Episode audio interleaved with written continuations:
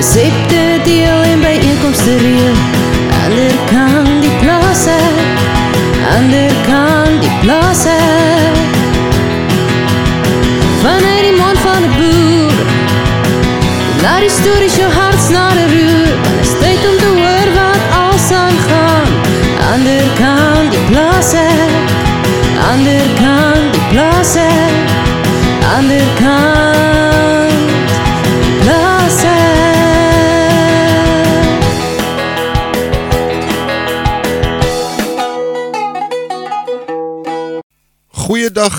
is episode 3 van Ander kan die plaas ek Jacques Lew saam met jou en Drisa Burger op die pad.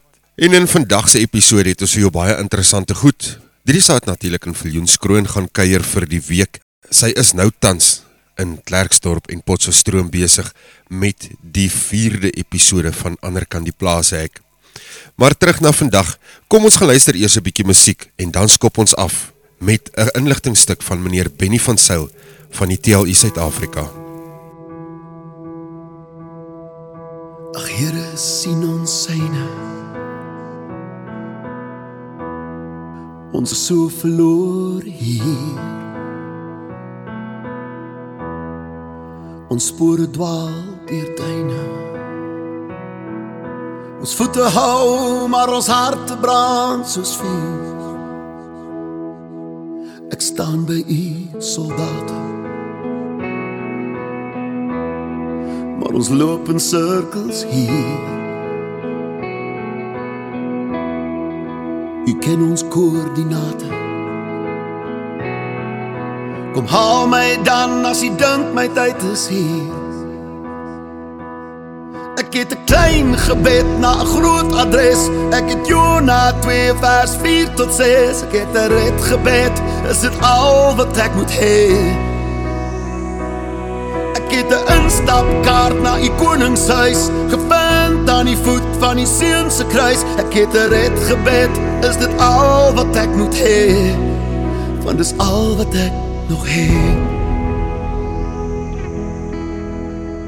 Ek is oorgewig aan sonde.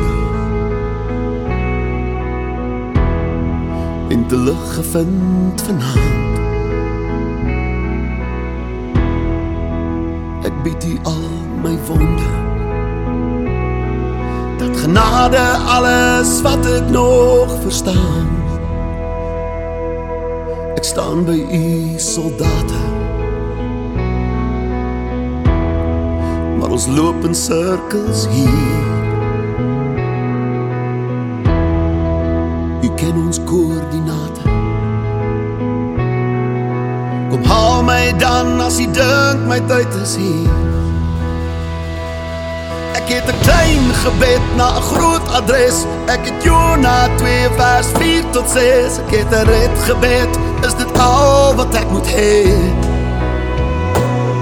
Ek het 'n instapkaart na u koningshuis gevind aan die voet van die seun se kruis. Ek het 'n red gebed.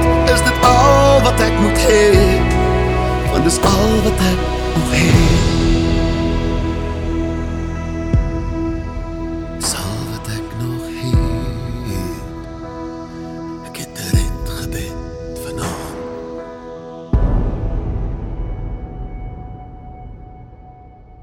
Daar word so baie gepraat oor georganiseerde landbou en wat dit vir my beteken. Dalk het dit slagtyd geword dat ek met myself die vraag vra, ehm um, wat beteken ek vir georganiseerde landbou? Want ons moet vandag besef dat ons is in 'n samelewingsorde waar in die landbouomgewing daar vreeslik baie dinge is wat tafel toe kom uit die beleidshoek uit, sekere beleidsaspekte wat ongemaklikheid veroorsaak. Daar is nou weer 'n bepaalde meesterplan op die tafel en Telie Suid-Afrika het reeds baie sterk insette gegee om dit 'n ekonomies volhoubare dokument te maak wat na ons oordeel dit ongelukkig nie is nie. Die vraag was vir ons gevra wat moet verander in die dokument dat Telie Suid-Afrika dit afteken en so sal elke ander organisasie ook verantwoording moet gaan doen teenoor hulle ledebasis in hoe mate hulle dit afteken al dan nie. Nou Telie se standpunt was van die begin af dan ook met hierdie fasiliteringskomitee wat hierdie saak hanteer. Die vraag is nie of Telie Suid-Afrika dit gaan afteken of enige ander organisasie of selfs die ANC dit gaan afteken nie. Die vraag is eintlik gaan die markkragte dit afteken? Ek dink dit is 'n belangrike beginsel wat ons moet nastreef om seker te maak dat wanneer ons enigiets implementeer, dat dit ekonomies volhoubaar is, dat dit op so 'n wyse daargestel word dat die markkragte daarmee kan saamgaan. Want as al hierdie goed klaar gesê word en elke politieke standpunt en elke beleidstuk word daar gestel, elke stuk nuwe wetgewing maak nie saak wat dit is nie. Die heel laaste woord sal altyd deur die markkragte gespreek word of dit suksesvol is of dit 'n mislukking is. Nou ons sit nou al vir 3 dekades in 'n situasie waar die markkragte eintlik elke nuwe beleidsbenadering afgooi en dit uitwys as 'n mislukking. Dit is hoekom Suid-Afrika nou in 'n rommelstatus ingegradeer is deur die graderingsagentskappe. En ons moet vir mekaar sê dis 'n onaanvaarbare benadering dat ons voortdurend aangaan om ideologiese standpunte te moet probeer maak werk terwyl die ekonomie dit onmiddellik afgooi en een kant toe skuif.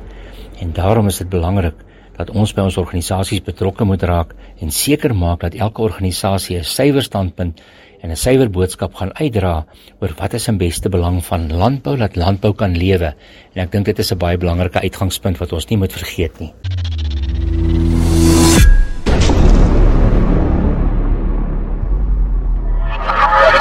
En dit dan meneer Benny van Sail van die TLU Suid-Afrika.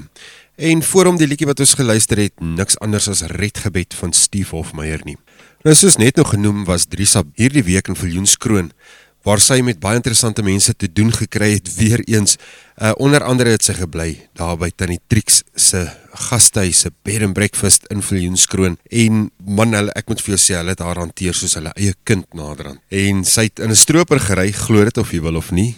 Bly by my ingeskakel. Ons gaan net nou bietjie oorskakel daarna Drisa toe en al die al die dinge wat sy deurgemaak het hierdie week in Viljoenskroon. Nou ek self het 'n onderhoud gevoer met 'n baie interessante persoon met die naam van oom Nico Moelman. En oom Nico is 'n skrywer, maar ook 'n baie interessante historikus. So as jy na daardie onderhoud wil luister net nou, dan moet jy nie weggaan nie, jy moet hier ingeskakel bly hier by my. Maar kom ons skop ons program af soos ouer gewoonte met daai veiligheidsinsetsel. En dit word vir ons gegee deur een van die boere in die Parys Vredefort distrik met die naam van Deploy. Deploy, oor na jou. Goeiedag luisteraars. Deploy Mokkie van die Wonderheuwel Boerevereniging met 'n uh, nog 'n weeklikse veiligheidsinsetsel. Nou laasweek het ons bietjie gesels oor hoe belangrik dit is om betrokke te raak in die gemeenskap en hoe baie die mense om jou vir jou kan beteken as 'n moeilikheidspad. En vandag se onderwerp pas baie goed daarin en dit handel oor kommunikasie.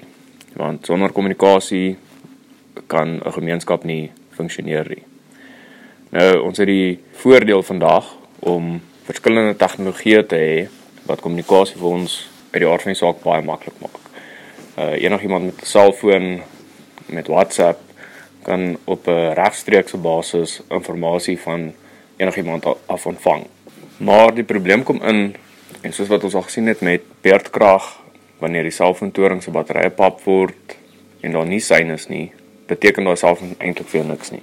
As jy nie as jy nie syne het nie en jy kan nie kommunikeer met jou selfoon nie, dan is dit net 'n baie duur papierhouer. Nou, 'n oplossing vir hierdie probleem is 'n tegnologie wat al baie langer bestaan en dit is tweerigting radio's. Deesdae kan mens tweerigting radio's vir baie billike pryse optel en ons 'n verskeidenheid van werkende afstande wat hierdie radio's kan handhaaf. So afhangend van hoe groot die buurtwag is en hoe ver die mense uitmekaar uit is, is daar hoë band, lae band en midband radio's wat die afstande kan handhaaf. Ek weet al baie van die plase is daar die sogenaamde roepgroepe waar mense mekaar elke aand roep op die radio's en almal sê alles is oukei. Okay die oomblik as iemand nie antwoord nie en niks anders laat weet nie, weet die mense daar's iets fout en iemand kan gaan ondersoek instel. So die punt van vandag se veiligheidsinsetsel is maar kyk na radio's, kyk kyk watse radio's sal werk in julle in julle omgewing en in julle opset en hoe meer lyne van kommunikasie daar is tussen lede, hoe beter, want as een lyn nie werk nie, is daar 'n ander lyn en dit kan dalk die verskil beteken tussen lewe en dood. So weens wees veilig, wees paraat en lekker aan. Die kant,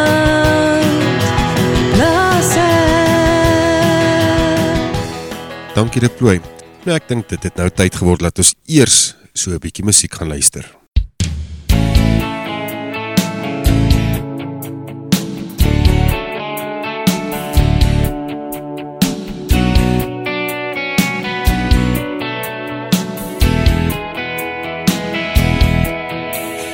Ken jy die pad na 'n plek wat 'n merk in jou hart los? Ken jy die spore van saambes deur die droë karoo? Waar elke boomlik tussen ons geanker bly Waar al my wense leen wag om jou te kry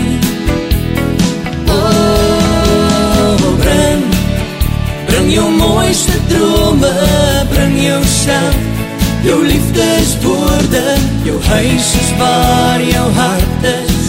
En die klein karoo Gooi jou stem oor al die vlaktes Graveer my naam. In jou gedagtes Bring jou hart, bring jou leven naar die klein karoo jy 'n skuilplek waar die vrees in jou laat bedaar? Soek jy 'n leplek wat jou warm hou in die nag?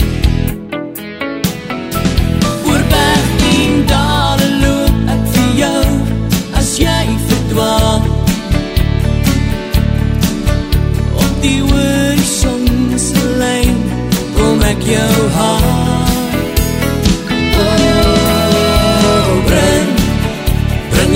mooiste drome, bring jouself jou liefdeswoorde, jou huis is waar jou hart is in die klein karoo. Gooi jou stem oor al die vlaktes, graveer my naam in jou gedagtes, bring jou hart, bring jou leven naar die klein karoo.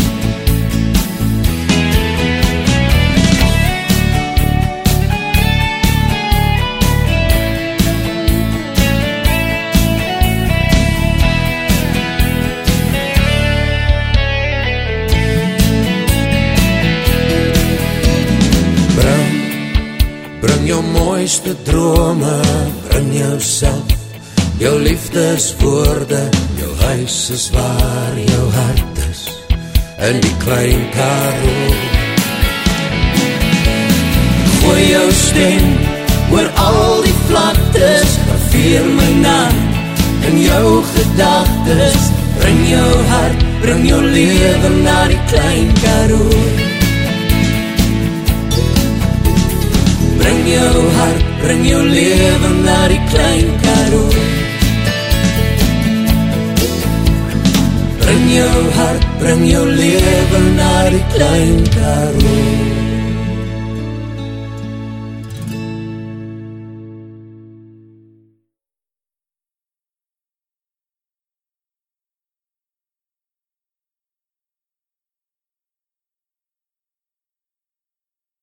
En dit dan teens Jordaan en Juanita Du Plessis met Bring jou hart. Nou Radio Suid-Afrika is natuurlik op die pad en Drisa en Terrence is daar in die in die omgewing besig om te werk om vir ons materiaal bymekaar te maak vir elke nuwe episode wat handel oor 'n nuwe dorp. Ons bring vir jou stories uit die dorp, ons bring vir jou 'n bietjie geskiedenis van die dorp en jy sal Drisa se kar opmerk. Hy is met Radio Suid-Afrika beplak en ander kan die plaas hek. So as jy daardie kar van Drisa sien, waar dit ook al is, stop haar en neem 'n foto saam met haar by die kar. Vat dan daardie foto, laai dit op jou Facebookblad en tag ander kan die plaas hek dan nou daarin. En hoekom moet jy dit doen? Want jy kan 'n CD wen van Najalik. Die dame wat ons tema liedjie vir ons sing, sy het hom vir ons geskryf en sy sing hom vir ons. Nou ja, soos gesê, neem my foto as jy die kar dan nou in 'n parkeerarea sien staan en en Drisa is nie naby nie, maak dit nie saak nie. Neem nog steeds 'n foto van jouself by die kar, laai hom op Facebook, tag vir ander kan die plaas ek daarin en jy staan 'n kans om daardie CD te wen. Goed, en as jy nou een van ons episodes gemis het, moenie bekommerd wees nie. Ons saai dit weer uit elke woensdagoggend van 5 tot 7. En as jy hom misgeloop het, dan moet jy nog steeds nie bekommerd wees nie, want gaan na ons webblad toe. Dit is www.radiosuidafrika.co.za of www.anderkantdieplaashek.co.za en na ons podcasts. Daar kan jy dan nou al die episodes, selfs die vorige seisoene, gaan luister. Van boer, loop nie deur my are. Radio Suid-Afrika is trots om ons ondersteuning aan die TLU SA te kan gee. Die TLU fokus op 3 hoofaspekte, naamlik die veiligheid van boere en hul naasbestaandes en werkers op die plase. Verder vir die onsekerheid oor eiendomsreg en derdens het die boer op die plaas onder uiterste ekonomiese druk gekom. Kans het ek geleer hoe om te bid en praat. Kontak gerus die TLU by www.tlu.co.za. Niemand sal dit weg. Graag ondersteun ons by Radio Suid-Afrika, ons boere en ons boeregemeenskap. Boer, boer. Nou goed, Viljoenskroon is 'n mielie- en beersboerdery in die Vrystaatse provinsie. Dit is vernoem na die oorspronklike plaaseienaar JJ Viljoen en sy perd Kroon. Hierdie dorp is in 1921 op die plaas Mahemskuil aangelê en word in 1925 'n munisipaliteit. Nou in 2011 was sy populasie 31468 en hy's in die distrik Fezile Dabi geleë. Sy areakode 05634 en sy munisipaliteit is Mokaka. Nou ja, Drisa is van Parys af en van 'n Vredefort se kant af is sy oor na Viljoenskroon. Drisa, oor na jou. ander kant plaas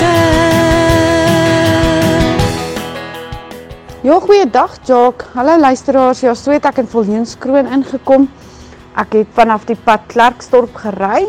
Die pad is nogal baie gaterig, so ek, ek ry maar stadig. So het ek die silo's gesien wat daarso staan waantoe die boere al hulle mielies en voere vat en daar gaan ek ook nog 'n bietjie kuier om uit te vind wat regtig daar aangaan. So ek is op pad na Niekerks rusplaas toe waar ek by tannie Trix se B&B gaan kuier vir die volgende paar dae.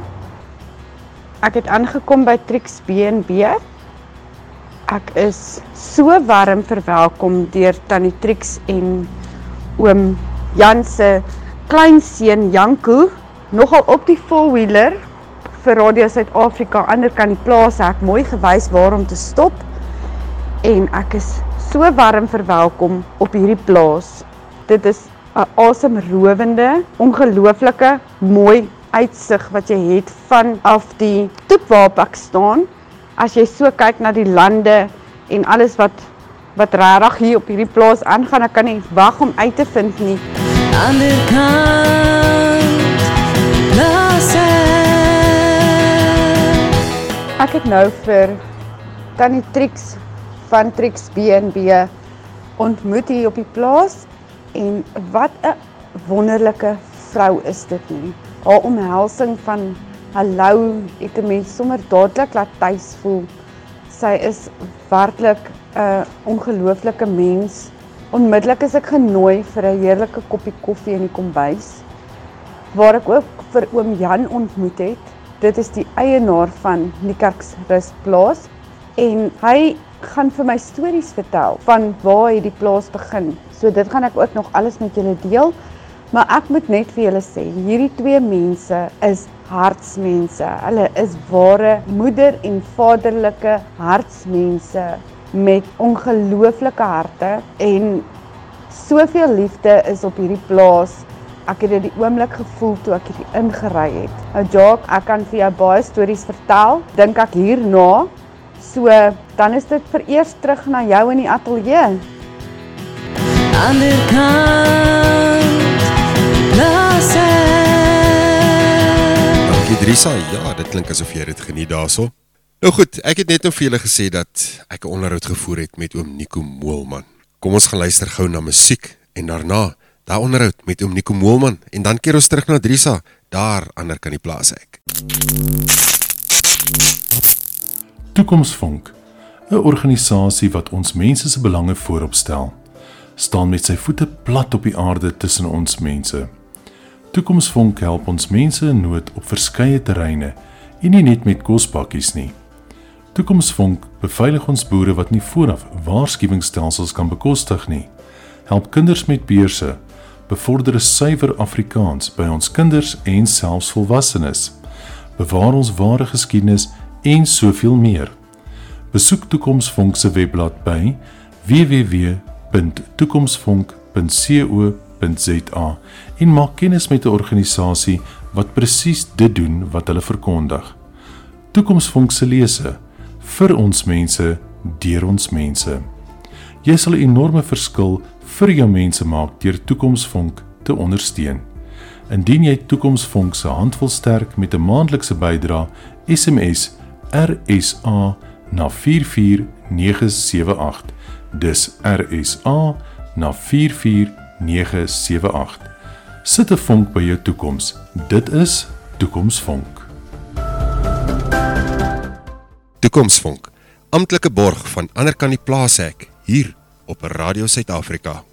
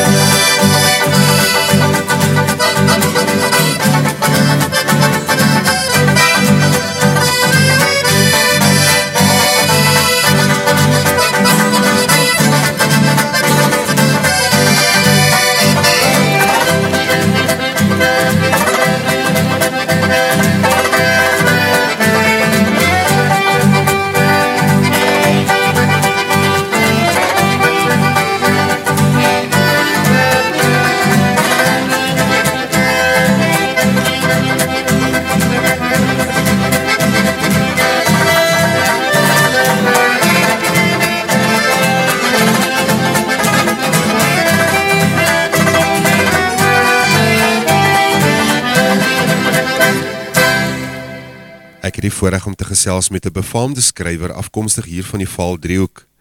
En hierdie merkwaardige man het verskeie boeke geskryf, waaronder De Boer Hor, Dankie Generaal en dan ook Kuier in 'n plaas kombuis om maar net 'n paar van te noem.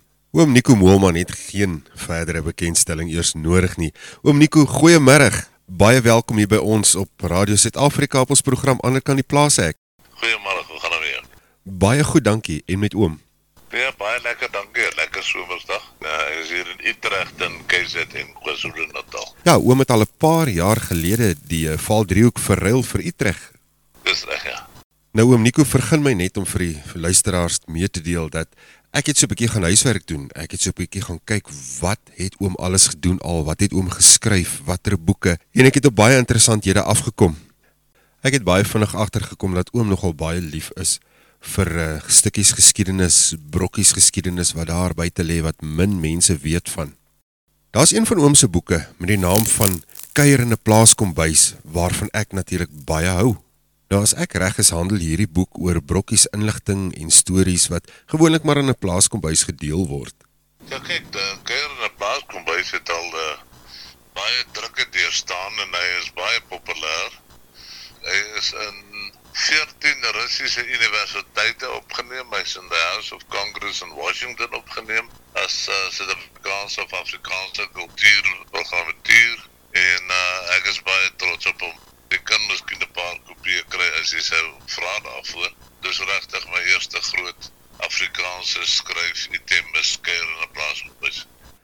Wel, ek gaan definitief een van hierdie boeke vir my aanskaf. Maar as ek reg is, is oom ook self die uitgewer hiervan. Dis reg, jy weet, ek self uh, is die uitgewer van boeke soos Sy, uh, Karringmelk vir Tant Nonnie en my kinderboeke, uh Die Wildtuin Bus en ook die die Safari Bus in Engels. Dit is wat ek op die oomblik in voorraad het. Die ander boeke het gelukkig of ongelukkig almal uitverkoop. En uh, binnekort, binne volgende 3 weke kom die persoonlike verhoudings tussen boere en russe vore wat ek in Westel Oosthuizen, die befaamde fotograaf van rapport en van die Olympiese spele en van ons uh, atletiek en rugby, saam saam met hom het ons hierdie boek die lig laat sien. Oom Nico, dis vir my regtig 'n riem onder die hart om te kan sien dat so baie mense betrokke is en regtig ons kultuur nog steeds daar buite wil sit. En ja, as 'n mens met mense soos hierdie kan hande vat en hierdie tipe van goed kan uitbring, dis dis net heeltemal regtig tot voorleef en voortbestaan van ons Afrikaner kultuur en volk. Ek het ook gesien dat in 2017 die Russiese ambassade tydens 'n kraansleggingsseremonie oom ook vereer het en uh, dit dit was my baie interessant. Vertel ons bietjie meer daarvan. Ja, die Russiese ambassadeur het aan my uh, 'n uh, oorkonde gegee en hy het vir my bedank vir wat ek vir die Russiese uh, tradi tradisionele stories beteken en om dit geskryf oor die uh, Leonid Pokrovsky wat hier by Utrecht gesneuwel het in die Anglo-Boereoorlog en ook die verhale van my pa wat in die Tweede Wêreldoorlog gered is deur Russiese tanks nadat hy krygsgevangene was vir 2 en 'n half jaar deur die Duitsers in uh, stallig luftvuur see in vandag se Tsjechoslowakye en uh, hulle het dit vir my gebring en uh, my oorhandig en ek is baie trots daarop. Dis nou hier in my privaat museum op die plaas uh, my bes, my my, my museum se naam is nogal beskryf en lang Ja nee, oom Nico, daai het ek raak gelees en uh, gepraat daarvan. Ek sien oom het nogal 'n baie groot liefde vir ouer artikels wat rond lê wat ander mense natuurlik sal dink hulle hulle kan maar weggooi en uh, so maak oom hulle bymekaar. En ek verstaan dit gaan alles na hierdie interessante museumpie van oom toe daar op die plaas. Ja, kyk alles alles wat ek het is oud. Nee, ek is baie lief vir die goed wat tradisioneel, in ander woorde voor plastiek era. Veral dokumente en fotos en uh om negatiewe te ontwikkel van baie jare terug die ou glas negatiewe en dan die uh, era te kan uitwerk of te raai of te bepaal en dit dan so na vore te laat kom. Ja, ek dink dit moet baie interessant wees en ek glo oom het seker al baie interessante goed gekry op daardie negatiewe. Ek is nogal een van ons se volgers daar op Facebook en ek kry gereeld, ek wil amper so op 'n daaglikse basis sien ek foto's en stories wat oom plaas op Facebook. So ek wil tog vir ons luisteraars net sê asseblief gaan kyk nou op Nico se se Facebook bladsy, gaan volg hom op op Facebook. Daar's nog baie interessante goed wat hy vir ons kan deel en gaan deel. Maar om Nico nou wil ek bietjie 'n ander interessante sy van oom deel met ons luisteraars. Oom het liedjies geskryf ook, nê? Nee. Ek kan onthou die liedjie van uh, ek dink is Min Shaw, Tingeling, was een van hulle wat oom geskryf het. Vertel ons bietjie meer daarvan. Kyk, uh, ek ek kan nie musiek lees of skryf nie, maar ek kry die woorde en die musiek so gelyksaam saam. Ek het 'n pragtige operette geskryf met die naam van die Towerblom wat uh, hele paar skole al opgevoer het uh, met die tyd. Ek het geskryf Tingeling van Min Shaw woorde musiek en dan as jy op op op YouTube kan jy kyk na my pragtige lied die genade trein wat al sy herps uitvoer.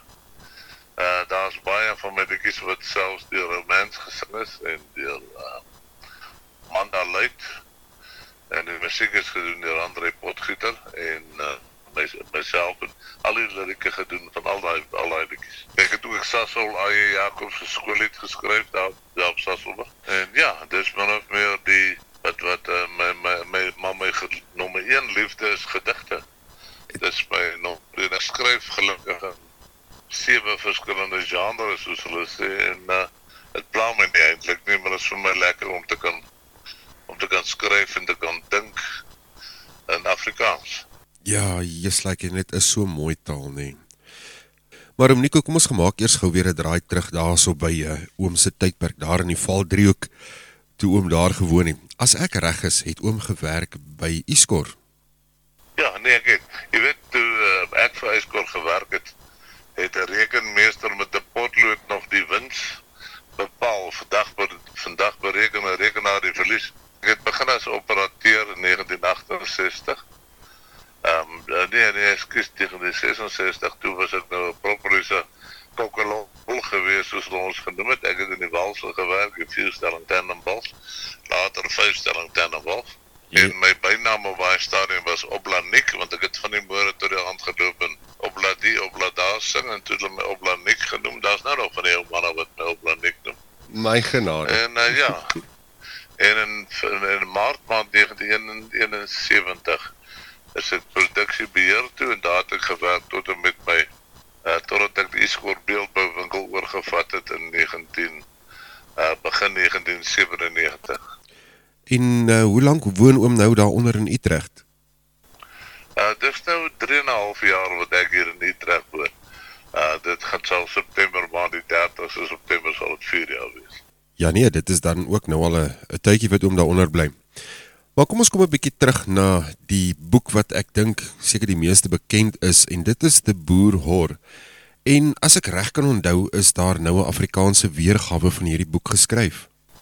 Ja, kyk Frans was met uh, dat dokter Johanna Barnard het 'n kontrak met my aangegaan dat die boek so geskryf geword het deur myself en Frans was Smit. Dit is ook hoe die kontrak lees, maar nadat ek die kampoer se verwerking deur hulle gelees het, het ek gesê nee, Nico Molman skryf nie so nie. Hou my dis Frans was Smit geen net my my erkenning agter dat dit my verhaal en my storie is. Ek kry my 50% van die tantieme. daarmee is ek hoogs tevrede. En die kampoer is intussen ook verwerk in 'n Engelse weergawe of uh, Duits, ag, 'n Hollandse weergawe nou so pas as 'n Franse weergawe, maar die pers is nou maar stil. Hulle hulle wil nie erken dis my storie nie, maar ag wat ek los hulle maar. My genade. Maar Sandra Prinsloo is daarom groot genoeg om my die erkenning te gee. Dis my verhaal dat sy kampoer opvoer. Ja, ek het gesien sy is nou besig met hierdie opvoering van die van die storie. Ek het ook gelees dat uh, hulle nou 'n film gaan maak van De Boer Hor en uh, maar hierdie natuurlik is oom se weergawe glo ek dit is nie die die ander weergawe die Afrikaanse weergawe nie. En Jan Roberts is daarbey betrokke nê. Uh dit is totaal uh my my my werk en nou die eerste werk wat ek gedoen het. En uh ja, hy het die regte, ek het dit vir hom gegee, vir hulle gegee en ook in van 'n Belpark daar vir 'n paar van die sake manne wat die op uh, soos in Engels sê die producers gaan wees. Okay. En uh, my bande met die val 3 gaan sterk bly. Ek is baie bly om dit te hoor. Dit beteken dat oom van tyd tot tyd sal opkom hier na Vanderbijl park toe en dan gaan ons definitief 'n koppie koffie geniet. Natuurlik, ja, ek weet dis die val 3 ook is soos uh is in my bloed, jy weet ek het daar in Ludwig Boulevard gebly nommer 257. My hemel. Daar gebly van 78 af tot 2000 en ek het 2 jaar in Vanderbijl gewees, dus ek teruggekom en daar in Voortstraat gebly in die ou dorp. En daar is ek dan weg hier na Utrecht toe. Ja, hulle sê as 'n mens een keer hierdie vuil lug ingeasem het, dan kan jy nie die skoon lug hanteer nie. So ek glo oom gaan van die skoon lug af terugkom hiernatoe van tyd tot tyd. Maar weet jy om iets wat my aandag aanvanklik eintlik getrek het, was die feit dat oom ek dink dit was iets soos 420 km gery het met as ek reg is, 'n kapkar of 'n perdekar. En ja, vertel ons 'n bietjie meer daarvan asseblief. Ons het die 19de uh, April weggespring by die Weltevrede deelplaas daar tussen Sasselburg en uh, Heilbron. OK.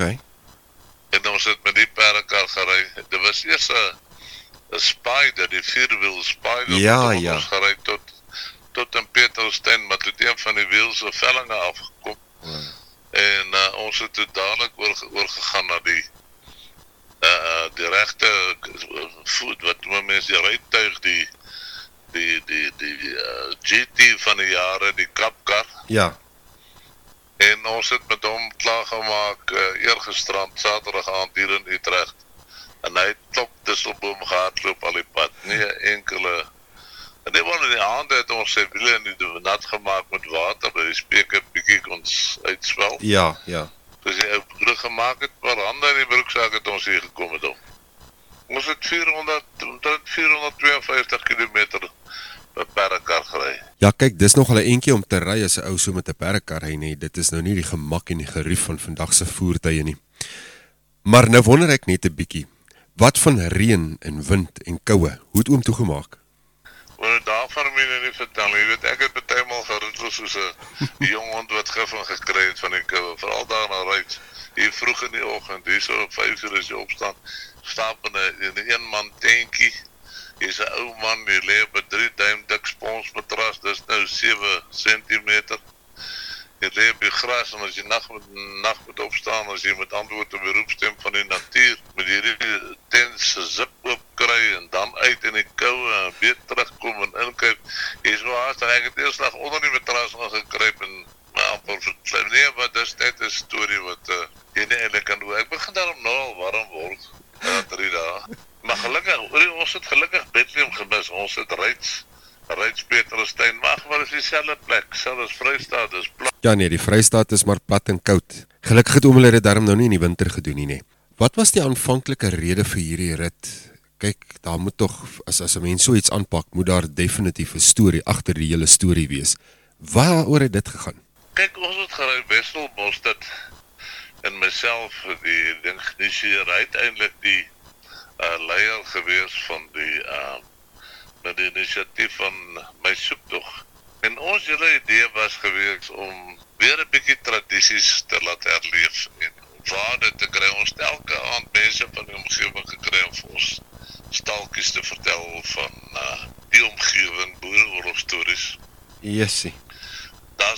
Ons het net grondpaaie gery. Jy weet daar's so baie mirasies langs die pad. En as ons by so 'n mirasie verbykry het ek 'n Marie biscuit of 'n toebreek jy net sommer so gefrommel en dan 'n sigaret en eerbied van die laaste mense wat daar gebly het en die deur toegetrek het. Nas die ou spook is sou terugkom in die nag. Was daar nog 'n bietjie tabakblare vir hoe my spook om te hou. Net sommer sentimente, 'n sentiment. Ja, jy weet wat ons gedoen het, uh, uh, ons het ook die hele uh, tog het ons op film vir ons vasgelê. Ons het ons hommeltuig saam gehad, 'n professionele kameraman. Ons het Dawie Fourie van Heilbron wat 'n fantastiese fotograaf is, saam met ons gery. Alles alles neergelê. Daar's Toon Musea die Basotho geskiedkundige van Peterstein wat meer van die boereoorlog weet en ondersteunend is tot tradisies is baie baie mense My genade. wat uh, maak of hulle baie weet nee, dit is dit was ons hele mikpunt was om om om, om uh, die mooi van nou Suid-Afrika weer te beleef. Met ander woorde, jy luister weer hoe krasse kraans volop verbyvlieg. Nee.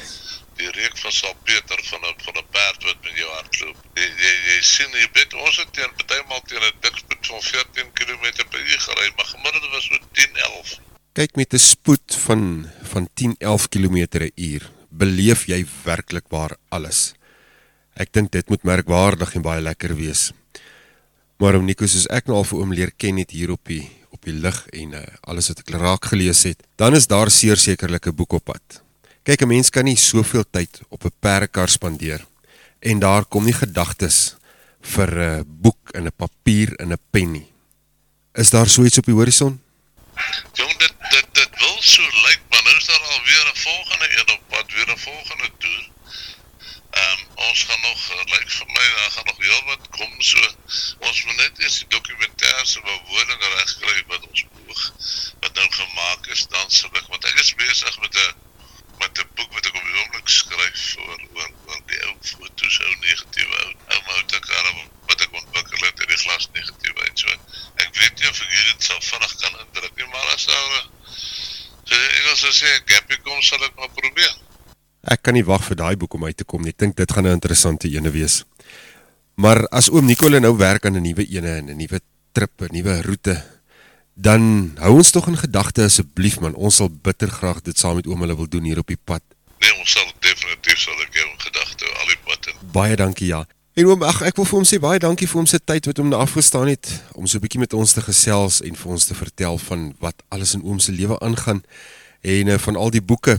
Ek gaan probeer om definitief bietjie van daai boeke in die hande te kry vir al die ene oor die oor die plaas kom wys. Oom Nico, dit is 'n groot voorreg om oom hier by ons op die lig te hê en ons wil vir hom weer eens net bedank vir alles en dankie vir alles wat oom doen vir ons volk en ons kultuur. Baie dankie, dankie Jacques. Goed, dankie, totsiens. aan de kant plaza.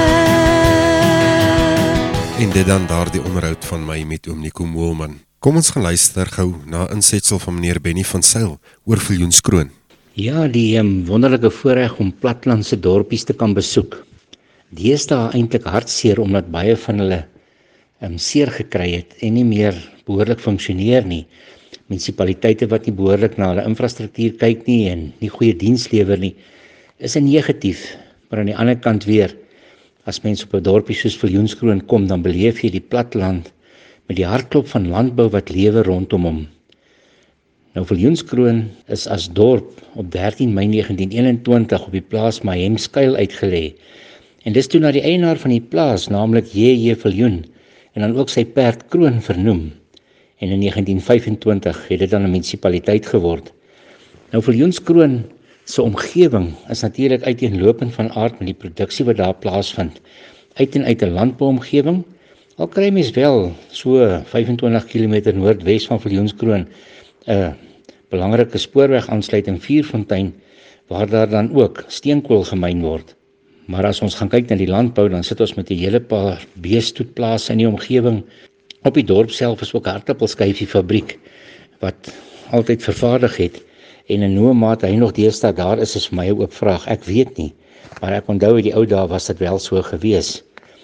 Landbou, baie mielies, dis 'n baie goeie mieliegebied. Sonneblom, daar was altyd tradisionele grondbone geproduseer en hoe mate van die boere dit nog doen is 'n oop vraag. Ook aardappels, koring, dan bees en skaap. 'n Baie gunstige landbouomgewing, 'n baie dinamiese landbouomgewing en Viljoenskroon het deur al die jare baie sterk landbou stempel afgedruk in die produksie van voedsel en vesel dan ook vir ons verbruikers. Maar as ons deesdae kyk na Viljoenskroon dan kry mens bietjie seer. Maar dit is vir ons een van die uitstaande landbougebiede. En as 'n mens Viljoenskroon gaan besoek, dan beleef jy die platteland as jy na sy omgewing toe gaan in die ware sin van die woord. Pragtige boerdery eenhede, 'n baie sterk mieliegebied en ek dink dat dit 'n daar 'n gebied waar boere nog steeds 'n positiewe stempel afdruk en dan in daardie omgewing. So Viljoenskroon uniek wat hy is met sy kerke, met sy kultuur, met sy samelewing en dan natuurlik met 'n munisipaliteit wat ongelukkig deesdae nie sy kant bring nie. Ons moet dit sê, al is dit hoe hartseer.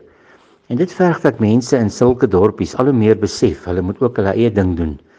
Hulle eie posisionering doen tussen kultuur, skool, kerk, dat die aspekte lewendig kan bly sodat 'n gemeenskap kan lewe.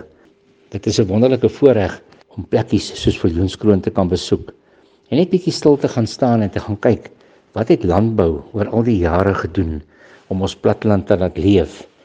Viljoenskroon was by uitstek so 'n dorp. Landbou se insette het gemaak dat Viljoenskroon ook geleef het.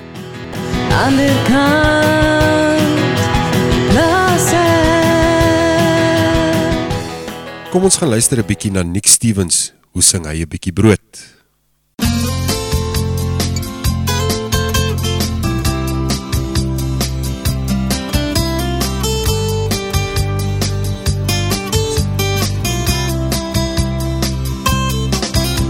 Die verse vlam brand oranje rooi van my En ek skink die laaste troesem uit die bottel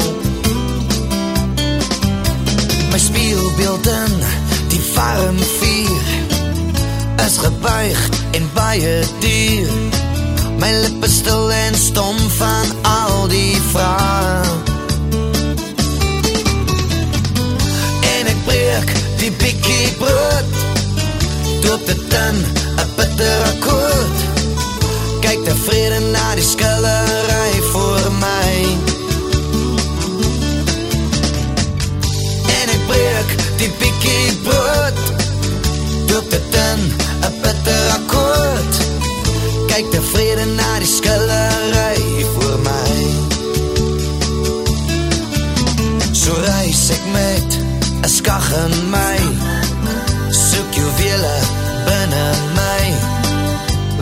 Weggesteek agter tyd se fermentasie. Met die tyd het die evolusie my tydelik 'n ver laat dink. Om te wees is 'n rare ondervinding. En ek breek die bikkie brood en doop dit in 'n bitter akkoord. Kyk tevrede na die skillery voor my. En ek breek die bikkie brood doop dit in 'n bitter akkoord. Kyk tevrede na die skillery voor my. Na die skillery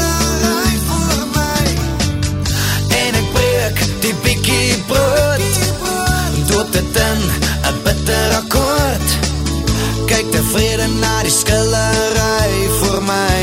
Na die skillery voor my. En ek breek die bikkie brood. Doop dit in 'n bitter akkoord. Kyk tevrede na die skillery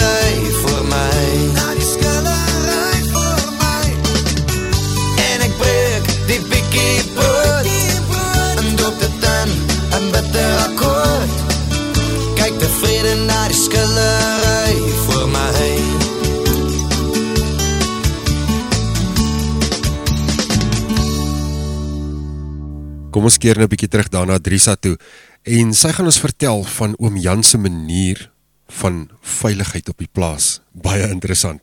Ek wil julle net gou-gou vertel van oom Jan en sy besondere manier wat hy ingespan het om sy plaas en sy vee te beskerm teen roofdiere en veediewe. So, weens stygende produksiekoste kan geen boer onnodig verliese bekostig nie. So het oom Jan my vertel om die kombuistafel met aandete. Oom Jan is 'n 71-jarige vee- en saaiboer van Viljoenskroon. Nou het hulle 'n probleem gehad veral in die COVID-19 pandemie. Het die distrik 'n uh, baie erg toename gehad van jakkalse en rooi katte en veediefstal en al daai tipe van goed. Maar oom Jan gebruik 'n baie unieke taktik met sy boerdery. So hy het 'n gemengde boerdery. Oom Jan se plaas, Niekerksrus, is in Viljoenskroon en hy het 'n paar ander plase ook op die distrik bietjie naby aan Kroonstad. Sy vroutjie, die pragtige tannie Trix van Trix BNB, is ook op Niekerksrus. Hulle seun Bertus, hy het in die buiteland geboer en ons gaan kom by die storie van die honde. En hy het hierdie honde ontmoet en hy het sy pa gebel en net vir sy pa hierdie ongelooflike storie vertel van hierdie honde. En toe het oom Jan en advokaat Forsie Jordaan wat deesdae gevestig is in Bloemfontein. Hy is by die hy's 'n regter by die Hooggeregshof in Bloemfontein. Het die twee boere bymekaar gekom en hulle het besluit maar hulle wil van hierdie honde hê. Nou mense, het jy nou al 'n Anatoliese herdershond gesien? Ek gaan julle 'n bietjie vertel van van oom Jan en sy Anatoliese herdershond. Maar eers wil ek gaga vir julle net so 'n bietjie agtergrond gee van hierdie boere. Oom Jan bedryf sy boerdery al sedert 1972. So in 1979 het hy in die Kerksrus 'n grootwordplaas by sy pa gekoop. So sommige mense het toe nou maar net gesê, jy weet, dit is nou nie 'n goeie plaas nie en is nou nie goeie goeie grond nie en oom Jan het hom net nie gesteer aan hierdie mense nie. Hy het dit egter gesien as 'n uitdaging en hy het hierdie geleentheid gevat en hy het 'n plaas ontwikkel. Presies soos wat hy dit nou wil. So hy het dele van die goeie grond het hy saaiboerdery op en die swakker dele is vir sy vee aangewend. So op hierdie plaas is daar so dit is honde en katte en beeste en skape en dan is daar so hulle boer regtig nie net met gewone hulle het 'n hele paar spesies hier op die plaas. Ek gaan nog 'n bietjie uitvind meer daaroor. Maar So vertel oom Jan vir my. Hy moes voorheen, voordat hy van hierdie honde te hore gekom het, moes hy sy skape in 'n kraal injaag om hulle te kan beveilig sodat hulle kan veilig wees en nie wegraak nie en al daai goeders. So het ehm um, hele trop skape op verskillende plekke en uh, dit is kosbare tyd wat gemors word en hy kan eerder daardie tyd aan ander take bestee. So in 1998 het hom Jan toe nou saam met advokaat Forsie Jordaan met die vleis merinos geboer en toe het hulle toe nou besluit maar hulle gaan nou van hierdie honde hierdie Anatoliese herdershonde waarvan Bertus weet gaan hulle nou uit Turkye uit invoer. En hulle het die honde ingevoer en dit was vir die spesifieke rede om hulle kleinvee te kan beskerm Nou julle ek moes dit sien want ek het nog nooit van so 'n taktik gehoor nie. So ek moes sien hoe hierdie honde hierdie klein vee beskerm op die plase. En so het hulle toe nou die honde ingevoer en ons is toe na die ander gronde toe waarop daar beeste by. Um, ons moes van die een kant na die ander kant moes ons hulle geskuif het. Dit was nou vir my die perfekte manier om te sien hoe hierdie hierdie beeste met hierdie honde kommunikeer en die donkie is daar tussenin. Jy het nog nie gehoor van die donkie nie. Kyk, hierdie is 'n storie en 'n half om te hoor.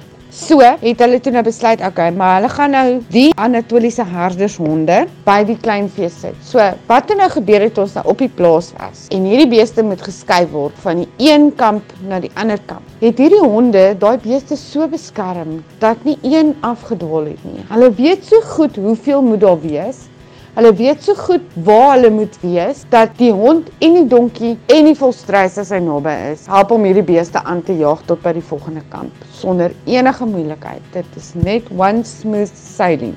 Ek wil julle so 'n bietjie vertel van die Anatoliese herdershonde. Ek het so 'n bietjie gaan lees daaroor en die eerste 2 weke van hierdie hondjie se lewe is hulle grondslag. So wat vir die res van hulle lewe daarby tel. So die korrekte hantering begin by die klein hondjies wat by die skape gesit word Oom Jan sê op 'n ouderdom van 6 weke word hulle by die skape gesit sodat hulle gewoond raak. En dan totdat dan nou 'n skaap in die kraal gebore word, daardie eerste reuke wat hy kry, is dis dan nou van die ma en die skape wat oom Jan dan nou spesiaal aanhou om die klein hondjies aan hulle gewoond te maak.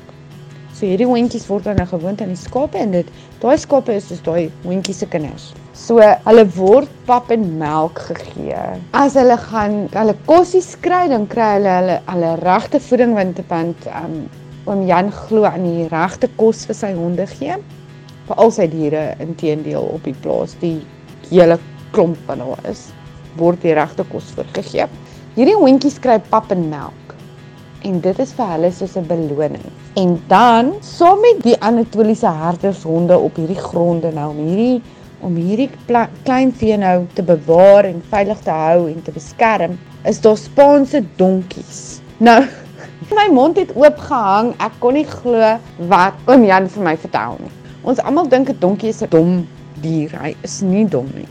Ek beloof vir julle, 'n donkie is slim.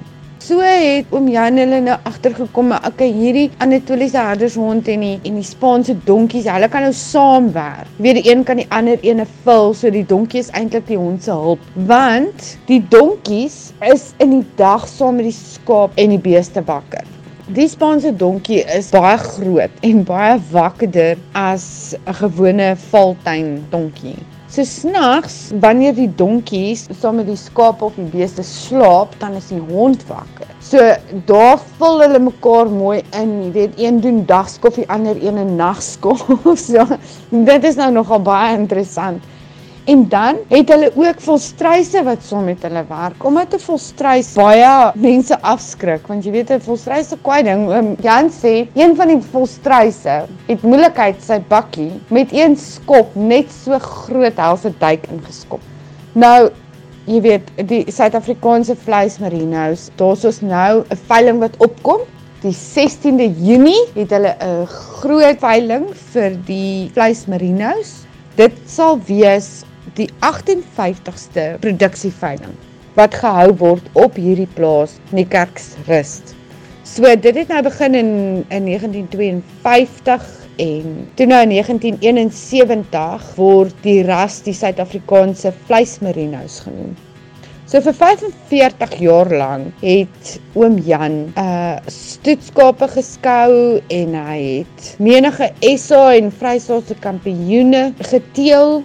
Jy hou ons YouTube dop van die fotos gaan daarso wees, dan kan jy sien hierdie verskriklike oorweldigende eintlik vir my is dit baie oorweldig. Ehm um, wat oom Jan al in sy lewe al bereik het en van die begin af het mense vir hom gesê maar jy doen 'n heel verkeerde ding en kyk waar so staan hy vandag.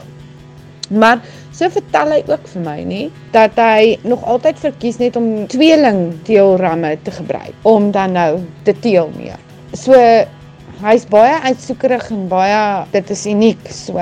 En dan sy liefde vir sy diere. Dit is net merkwaardig. Hoe hierdie twee mense, oom Jan en Tannie Trix van Biljon, hulle liefde vir hulle diere wys. Dit is merkwaardig.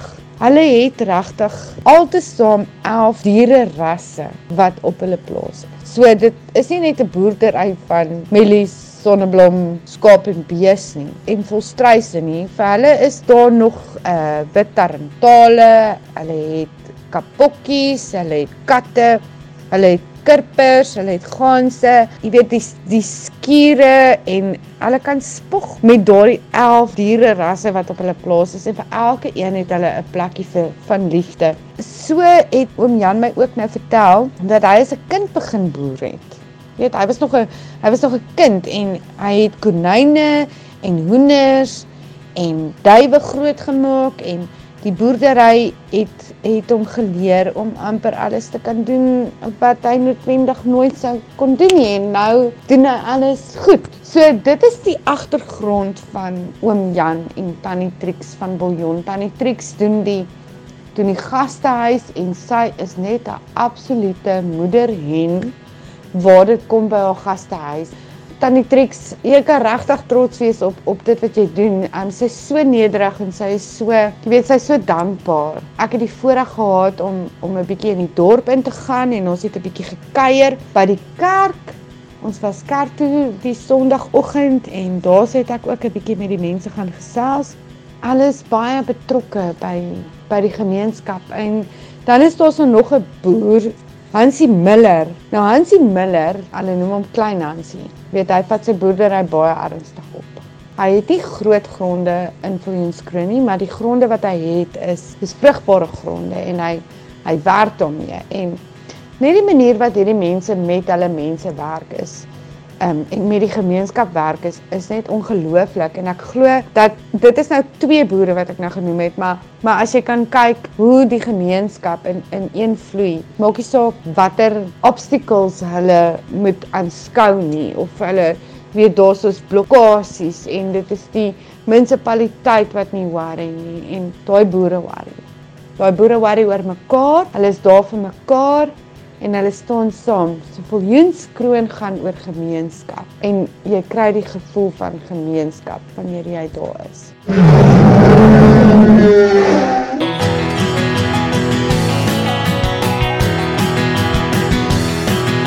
Van boer tot boer gaan ons toe. Resepte deel en byeenkomste reël. Ander kan die plase. Ander kan die plase. Kuier lekker saam van dorp tot dorp hier op ander kan die plaashek elke Saterdagmiddag van 4 tot 6 en ons herhaal hom elke Woensdagoggend van 5 tot 7. Ander kan die plaashek in samewerking met die TLU Suid-Afrika, jou program vir die boer. Ander kan die plase. Ander kan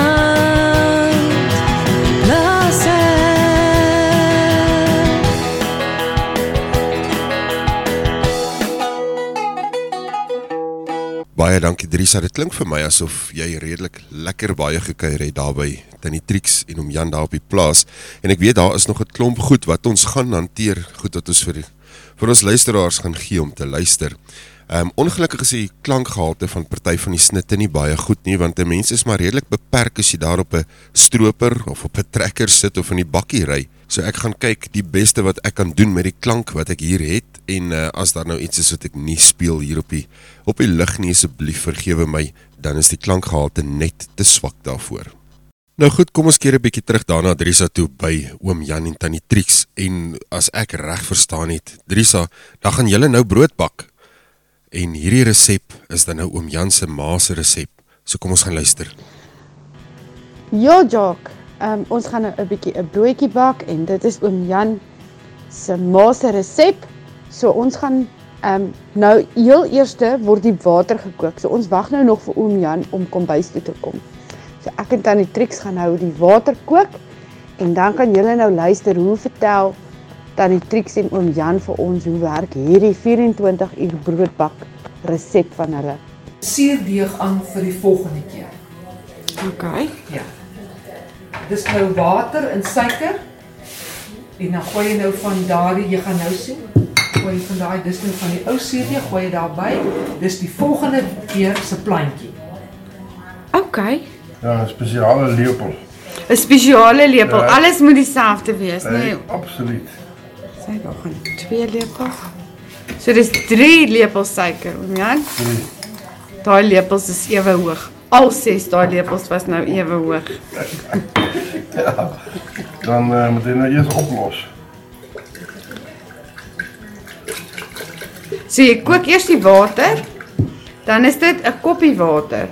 Half. half. Half koppie. Halwe koppie water. Ja. Dan jy moet eers linksom draai en dan regsom. OK? Anders dan werk nie. Anders gaan hy nie werk nie. Ja, dis 'n langdradige besigheid. Kyk, oom Jan wys julle mooi is linksom en regsom, anders dan gaan hy nie werk nie. Ja, dis die storie. Is dit nou 'n hele 2,5? Oom Jan. 2,5. En dan word die papier gebeere. Want tradisioneel word die een, een van die broodjies persent weggegee. Binne in hierdie in hierdie papier. Binne in die in die papier. Papier ja. Dis 'n dis nie 'n tradisie nie, dit my ma het begin. Want ek was 'n lang tyd alleen op die plaas gebly, ons het altyd my broodjie persent gegee. Oh, Sy was maar net so sinnig soos ek want dit was dan nie. daai is nou die too fresh to flop. Ja, dis die saagsels. Seem. Jy moet mos maar die saagsels gooi jy. 'n Goeie hout hê. Bietjie saagsels, daar's. Daar kom nou 'n verrassing uit daai bakkie uit daar. Met met oom Jan se lepel, nie 'n ander lepel nie. so lepel sout.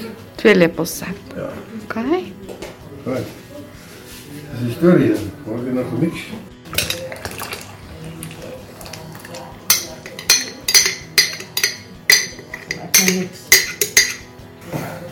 Nou maak ek soos Natania. Ons roer hom met die Roer lepel. Met die lepel. Maar my moue is opgerol. OK. Ons gebruik nie lang moue hierson. Nee. Maar oom Jan knie nie meer nie. Dit is dan die triks wat nou knie. Gaan nou begin. Wag hy tot hy klaar maak. Sy het nie baie hier moeier as ek. Sy se vrou haar hande is mos nou sagter. Mm. Wat sê hy nou word hy net geknie. Ja. Rooi naels en bietjie botter. Dis al wat hy nodig het vir daai liefde, nê oom Jan. Gaan jy nog bietjie bysit, ja. Julle, dit is nou hoe 'n vrou moet knie. Julle moet nou baie mooi oplet hierso. Maar ek niks nog net. Tannie Trix, hulle sê daar mag niks aan jou bak vassit nie. Dan weet jy jy bak vassit en jy moet 'n maag hê. om hom bietjie te stamp, nê? Om hom in 'n posisie te Maar gewoonlik daarom is dit nou al so bietjie geknie is. Jy weet nou nie van die begin af. Van die begin af nie. Ouma het nou eers 'n bietjie geknie en dan knie hulle nou daai Daai een jaar toe verder. hulle geknie het, het oupa nog geknie. Ja. Dis nou plaasbotter, né? Nou nou wat doen die plaasbotter nou met jou Net daai deeg? smaak. Hy het net daai smaak. Hy het heeltemal 'n ander smaak as wat jy olie of margarine of iets gebruik. Jy sien nie magie. Hy moet werk. Jou maagie moet werk. Hy moet werk. Nou julle op hierdie plaas word daar so ook nou self botter gemaak. So julle moet maar uitkyk vir daardie video. Tannie Trix gaan vir my wys hoe om egte plaasbotter te maak. Kyk net daai handjies. Dis ek maar so sal mannetjie is. Mhm. Hy is nog ver van reg. Maar hoe weet 'n mens dan as hy reg is Tannie Trix? Weet jy wat? Ehm um, hy moet nou maar glad wees ook. Ek het nou lekker botter bygegooi. Mhm. Want dis nou terwille van die smaak en die goeie. Maar ehm um, die mense sê as jy so maak en hy kom uit, dan is jou gluten al ontwikkel, maar ek hou van hom gladder. Hy is nog vir my nie glad genoeg nie. Hy moet vir my glad glad glad, glad wees. wees, ja. Ja, dis om tussen 5 en 8 minute met jou knie, né? Laat dat jy die ordentlike jy smaak. ja. Laat jy ouma Maar se die brood uitkry. Gluten moet nou regtig ontwikkel. En as ons veiling hou, dan is hierdie deeg word either brood of vetkoek. Die mense met die veilings is mal oor die vetkoek. Ek kan En nogal dink ek kan 'n lekker appelkoos konfyt. Mm. Ja. So regte plaasvetkoek, né? Nee. Hoe lyk hom Janie? Jy is reg. Ek dink hy's En omtrent. julle? Tipe hom net. Daarso is die is die deegie nou reg en hy's nou glad. Hou ons dop. Ons gaan vir julle wys waar hierdie meel vandaan kom en waardeur die boere ander kan die plaashek deurgaan om vir ons hierdie ongelooflike produkte kan gee wat ons dan 'n broodjie of 'n vetkoekie kan van kan maak. Dis die storie. Dankie oom Jan. Laat jy ons met ons gedeel het. Wat is die broodjie se naam? Broodjie met liefde. Nee, Wat is die broodjie se naam? koekies se brood. Ouma Koekie se brood. Nee. Dan- Familie, familie resep. Dankie oom Jan. Ander kant Nou dit was nou die broodjie wat hulle gebak het. As jy die video daarvan wil sien, dan kan jy op ons YouTube kanaal gaan kyk. En uh, jy gaan dit kry op ons op ons ander kan die plaashek webblad www.anderkandieplaashek.co.za en dan gaan kyk jy onder video's. Al ons video's, alles wat Drisa gedoen het, gaan jy daar sien. En uh, jy gaan ook die video kry van hoe hulle botter gemaak het. Dit was ook nogal baie interessant. So moet dit nie misloop nie. Doen jouself 'n guns en gaan kyk na die video's.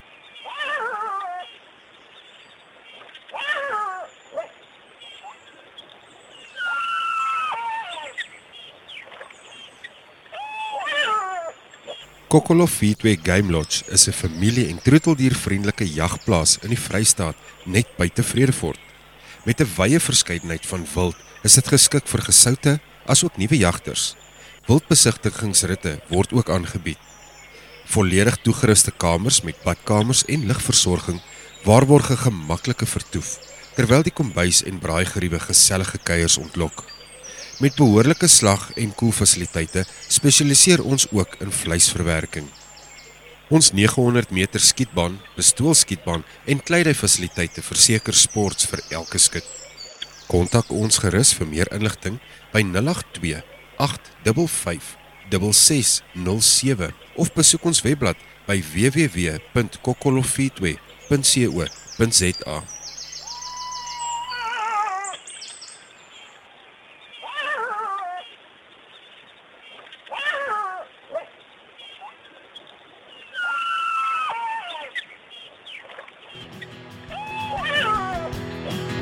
Ander kant plaas Van boer loop nie deur my are. In die rooi grond wat na die reën my hande rooi kom vlek Is dieselfde wat my hart, my siel en gees bedek. Ek 'n storm aankom het ek geleer hoe om te bid en praat. Dit is my taal, my trots, die rots wat ek by my dra. Niemand sal dit wegneem. Baie het al probeer.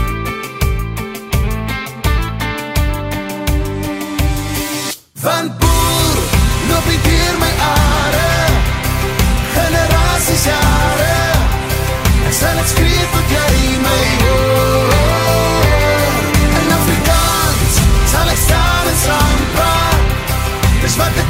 As ek slaap Dis hoe ek bid en hoe ek gloor Van boer, boer loop dier my are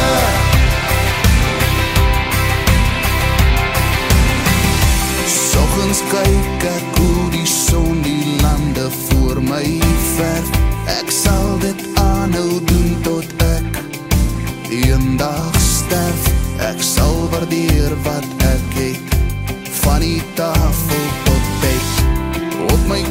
sal jy my vind voor ek saans gaan slaap. Dit is die tyd waar ek opreg met my skepper praat. So laat een nieuwe dag kom Waar ons kan slaan op een droom.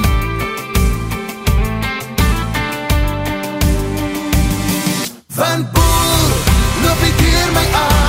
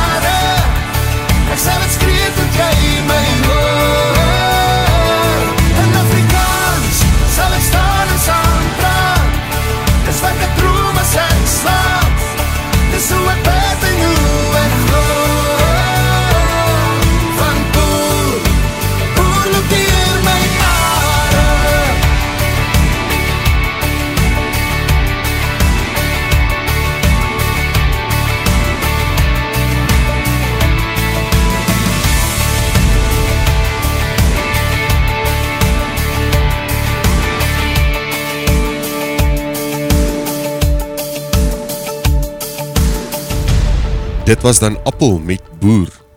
Nou ons kuier by Tannie Trix en oom Jan daar op die plaas in Viljoenskroon en Drisa het nou geleer hoe om botter te maak, sy het geleer hoe om brood te bak met 'n suurdeeg plantjie as ek reg is Drisa, help my reg. Maar ehm um, sy het darm nie net pret gehad nie, sy het vir ons ook bietjie gaan kyk wat gaan in Viljoenskroon aan, wat is daar in die omgewing wat Viljoenskroon dan nou Viljoenskroon maak. Drisa, oor na jou. Nou ja, Jacques, my ervaring in Viljoenskroon wat ek kon sien en inneem, was vir my 'n besonderse tydjie wat ek nie sou terugdraai nie. Soos wat ek gesê het vroeër, um, as jy inkom dan sien jy die silo's aan jou linkerkant en daar gebeur baie dinge by die silo's. Uh, die boere is besig om te stroop hierso in Viljoenskroon. En dit is 'n groot geskiedenisdorpie. As jy kyk na die ou geboue en jy sien die winkeltjies en en die strukture wat hulle net so wil behoue hou. Daar is wel 'n Pick n Pay wat jy kan by stop. Dit is ek is nou nie doodseker of is dit die hoofstraat nie, maar die geboue en die kerke in daardie omgewing van Viljoenskroon, die dorpie self is merkwaardig om te kan sien wat hulle in Viljoenskroon behoue wil hou. So het ek deur die dorpie gegaan en daar's ons 'n Senwes, 'n hinterland wat die boere gemeenskap al hulle goedjies koop wat hulle nodig het vir die vir die plaas. En dan is daar so 'n groot trekkerfabriek wat hulle trekkers verkoop en ook trekkers herstel. Soos wat ek deur die dorpie ry, sien ek hierdie mense wat basies in hulle omstandighede net die beste van die saak maak. So het ek uitgery op die Botawilpad op die R59 en ek sien hoe die waans kom, die die trekkers en die waans wat silo's toe gaan en dit was merkwaardig om te sien hoe die mense mekaar ken. Elkeen by wie jy verbyry, lig die hand op om te groet. So die gemeenskap is baie na aan mekaar en soos wat ek met mense gesels het ook in die dorpie. Die geskiedenis van Viljoenskroon is vir hulle baie belangrik en die samesyn en die saamstaan van die boere. Dit is wat daar ander kan daardie plaashekke gebeur in Viljoenskroon want tog het, is elke plekkie, al is dit in die dorp, is dit tog maar jou plaasie. Daar's so 'n vroutjie wat klere maak, sy voorsien en kyk dat al die dames van die dorp pragtig kan lyk. 'n Aangename mens, sy's baie betrokke by die gemeenskap soos wat al die ander mense is. Ek het die voorreg gehad soos wat ek gesê het om om na die kerkdiens toe te gaan en daar sit ek ongelooflike mense ontmoet. Viljoenskroon is 'n familieplek. Doen jouself 'n gunsie en gaan kyk na die geskiedenis van Viljoenskroon en beleef dit wat die wat ons voorvaders vir ons eintlik agtergelaat het in die stukkie platte land in Viljoenskroon. Ander kant Dankie Drisa. Nou kom ons gaan loer 'n bietjie wat ek vir julle kon opgelees kry oor Viljoenskroon. Natuurlik nou voor voor hy gestig is hier voor 1921. Nou as 'n mens so kyk na Viljoenskroon, dan gaan jy baie geskiedenis in die begrafplaas kry. Ongeveer in die middel is daar 'n groep grafte wat dateer voor 1921 en tot in die laat 19de eeu. Dit was eintlik 'n punt op die agenda van die eerste dorp bestuursvergadering in 1920 waar daar besluit is om die destydse bestaande begrafplaas te gebruik. Die oudste grafsteen wat daar te vind is, is die van Maria M. Rood, gebore op 9 Junie 1856 in Stols en op 1 Mei 1886 oorlede. Jy sal verbaas wees om te sien dat daar 'n groot hoeveelheid mense afkomstig was uit Libanon. Dit is iets wat jy nie in 'n Vrystaatse begrafplaas sommer sal raak sien nie. Natuurlik gryp dit 'n mense belangstelling aan. Nou okay, as ons gaan kyk na die stadsaal van Viljoenskroon. Hy dateer uit 1938. Hy word natuurlik ook nou nie meer baie gebruik nie behalwe vir raadsaal wat steeds vir raadsvergaderings gebruik word. Daar is 'n verhoog in die saal en daar is plek waar daar so af en toe funksies gehou word.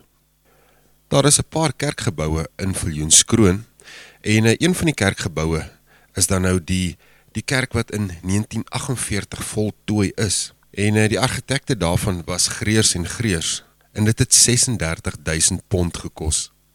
Dit was die opvolger van die kleiner kerkgebou wat in 1923 opgeris is. Nou die ou kerkgebou is later jare afgebreek en vervang deur die saal. En julle sal my nie glo nie, maar uh Tannie Ronnie was die eerste baba wat in die nuwe kerk gedoop is en sy is nog woonagtig in Viljoenskroon.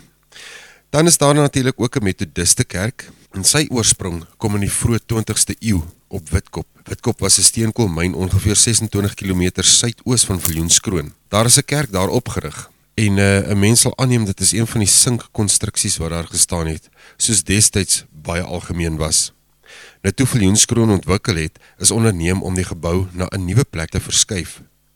Die plek waar die Methodiste kerk nou staan. Hierdie gebou was in gebruik tot in 1956 toe 'n nuwe, die huidige kerk gebou is. Die getalle van die gemeente het afgeneem tot 'n baie laag getal. Dan het ons ook 'n hervormde kerk daar. Uh, ons het uitgevind dat dit 'n baie aantreklike kerkie is en dat dit die enigste gebou is wat die moeite werd is om te bewaar. Nou hierdie kerkie het wat vir ons lyk soos 'n afgekapte toring en dit lyk soos sommige van die kerke in Engeland, maar dit is nie 'n Engelse kerkie nie. Dit is die gereformeerde kerk. En dit is hier waar mense bietjie verward raak want dit is nie die NG of HN kerk nie. 'n Mens kan nie uitwerk waar dit inpas by die verskillende Afrikaanse kerke nie. Hier is nog 'n bietjie ondersoek nodig of miskien kan iemand oor die lig vir ons vertel wat is die afkoms van hierdie kerkie. En dan beweeg ons na die treinstasie. Die spoor kom in 1915 dan nou ook na Viljoenskroon. Dit is nie maar dit is eintlik verkeerd omdat Viljoenskroon nie in 1915 bestaan het nie. Die stasie se naam was Rendezvous stasie Dit is eers in 1927 herdoop tot Viljoenskroonstasie. Die spoor word nog steeds gebruik, maar die stasie is nie, soos dit blyk in verwoeste gebouwe wat daar rond staan. En dan beweeg ons na die siloes wat Drisa ook moendlik dalk nog gaan besoek in die, in die dag wat kom. Daar is 'n groot aantal graansilo's in die suide van die dorp, maar wat 'n mens hier wil noem, is die ou silo's wat rondom 1924 opgerig is. Maar wat interessant is, is dat hierdie silo's nie deur enige van die koöperasies of enige boerevereniging gebou is nie, maar deur die spoorweë om die graan doeltreffender en veiliger op te berg. Dit is een voorbeeld van baie in die land. Ons het al 'n paar op verskillende plekke in die Vrystaat gesien en almal lyk dieselfde. Dit moes 'n standaard ontwerp gewees het. Wanneer presies hierdie een gebou is, is 'n mens nie seker van nie. Ander kant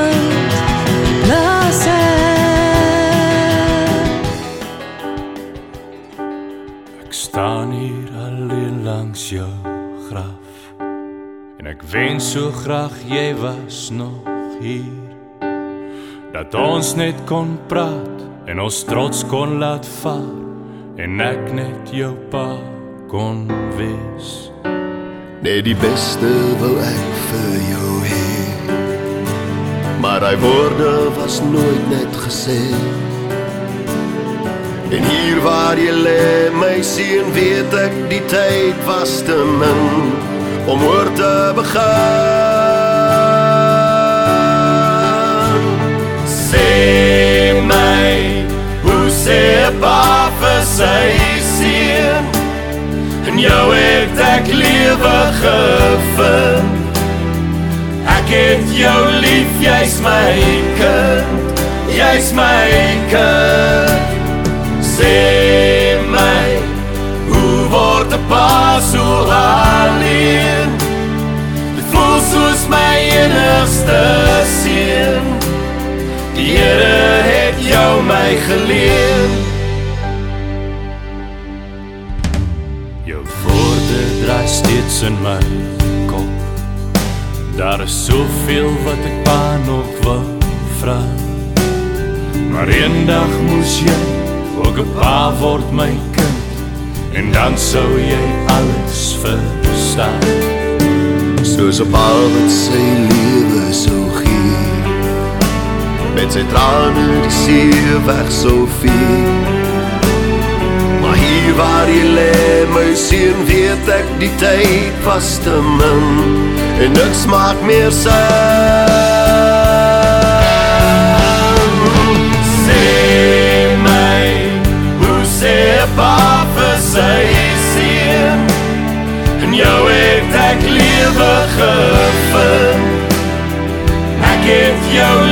Jy's my kind. Jy's my kind. Sê my, hoe word 'n pa so alleen?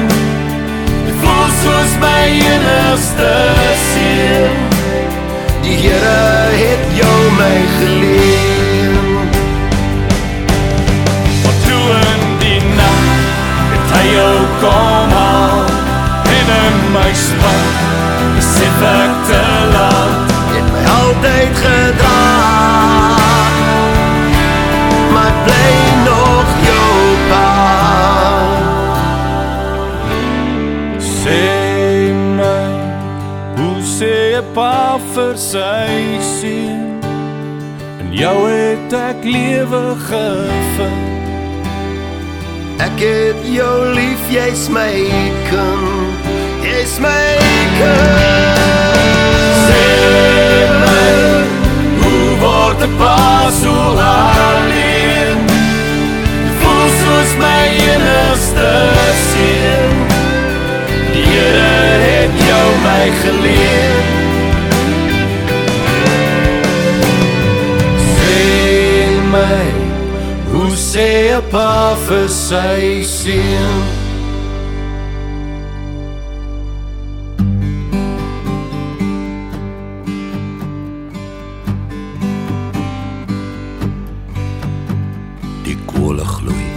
Soos vroeër aande. Maar die vuur is in my kop. En 'n ysige wind skroei my hande. Vas om die beker met dop. Die ryp is 'n vlam om my voete.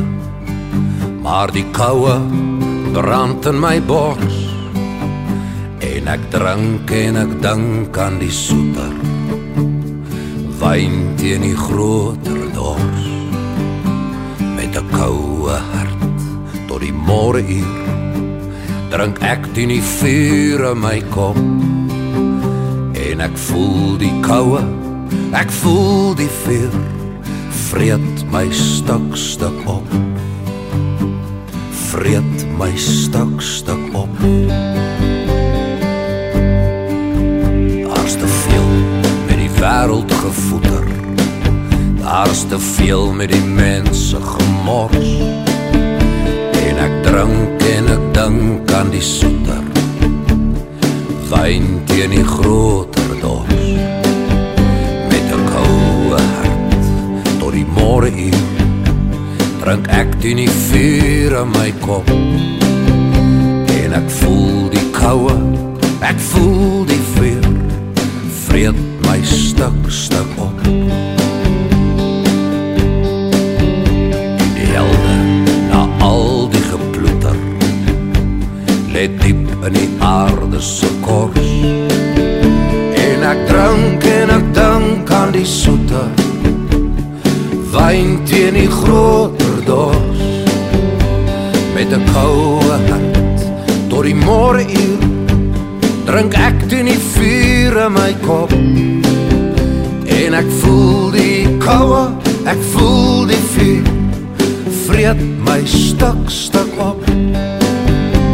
Met 'n koue hart tot die môre uur drink ek teen die vuur in my kop. En ek voel die koue ek voel die vuur. Vreet my stuk stuk op. Koue, ek voel die vuur vreet my stuk stuk op. Dit was Bok van Blerk en Steve Hofmeyer met hoe sê 'n pa vir sy seun en naam het ek vir jou gespeel, die koue vuur van teens Jordaan. Nou ek is besig om jou te vertel wat alles in Viljoenskroon te siene is en wat ek raak gelees het.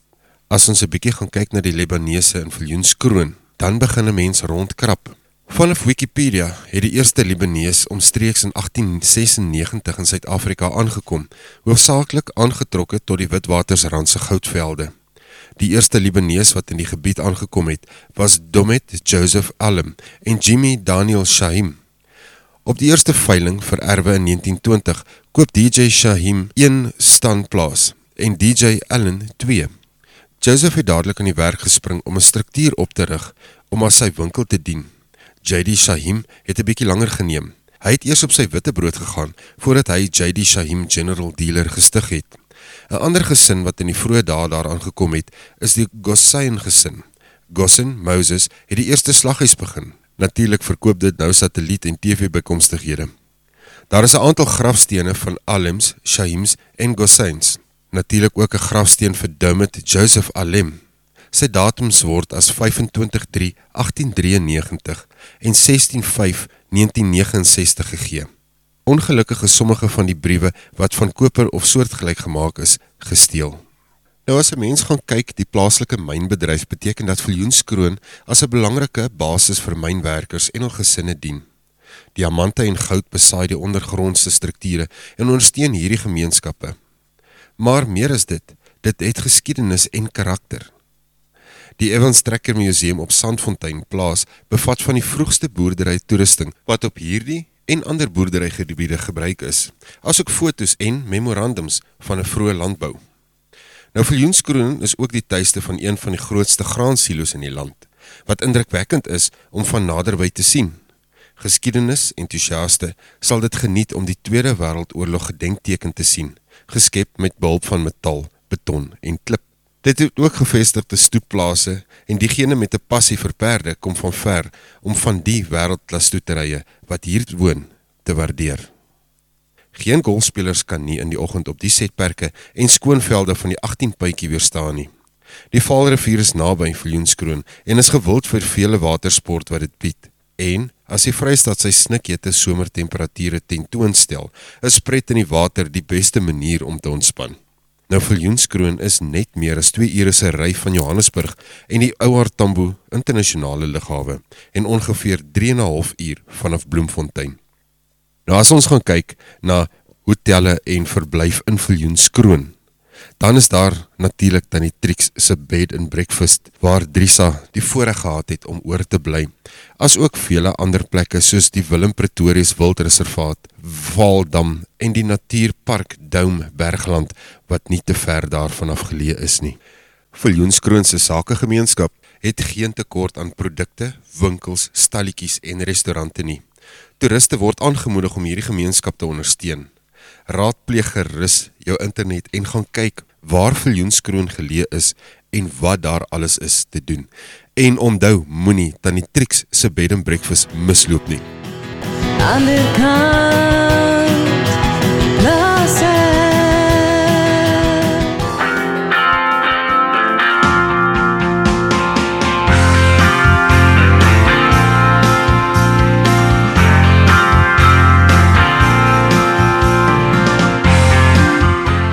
is Annie hier en kom kuier elke Sondag saam met my tussen 2 en 4 op Country Klanke.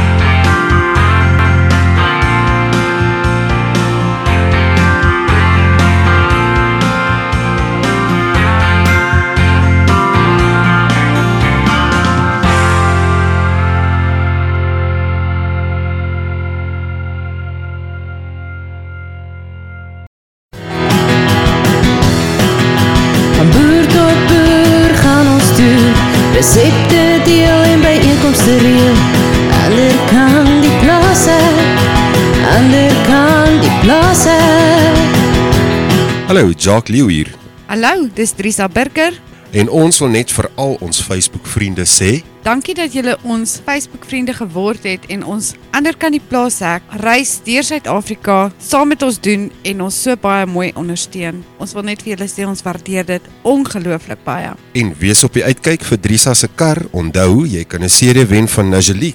Waarever jy Drisa se kar sien ry, moet jy haar stop en 'n foto saam met haar neem en dan post jy dit op Facebook en tag ons daarin sodat ons jou in die kompetisie kan sit. Ja, en as jy my kar sien staan en miskien in 'n parkering, neem nog steeds 'n foto en sit hom op ons Facebookblad. Nooi jou vriende om die hierdie reis saam met ons te kom geniet en laat ons saam staan vir ons boere. Ander kant plaas ek Daar sê nou ja, Drisa is volgende week in Potchefstroom en Klerksdorp. Wees op die uitkyk vir Drisa en Terrence, haar kollega wat saam met haar reis al die pad reg deur Suid-Afrika. Ander kant plaas ek Ja, en soos ek hier genoem het, is Drisa en Terrence in Potchefstroom en Klerksdorp hierdie volgende week. Nou, hulle het reeds 'n paar plekke gesien en 'n uh, paar mense wat hulle mee gesels het. As jy vir Drisa of Terrence teen die pad kry, keer hulle voor, gesels met hulle. En dan wil ek vir jou vra, as jy enige stories vir ons het of enige iets nuus het wat jy met ons kan deel of wil deel wat betrekking het tot jou dorp, jou omgewing, met die boere, boeregemeenskap, praat met ons, praat met my of met Drisa of met Terrence.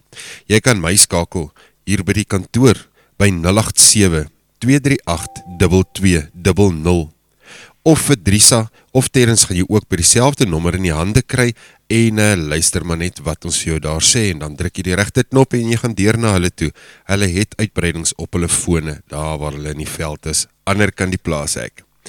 Nou Drisa, ek weet jy het dit baie geniet daar saam met Tannie Trix en saam met oom Jan en Drisa het natuurlik op die stroper gery. Sy het uh, hulle het so baie goed gedoen wat ek ongelukkig nie in die program kan uitsaai nie.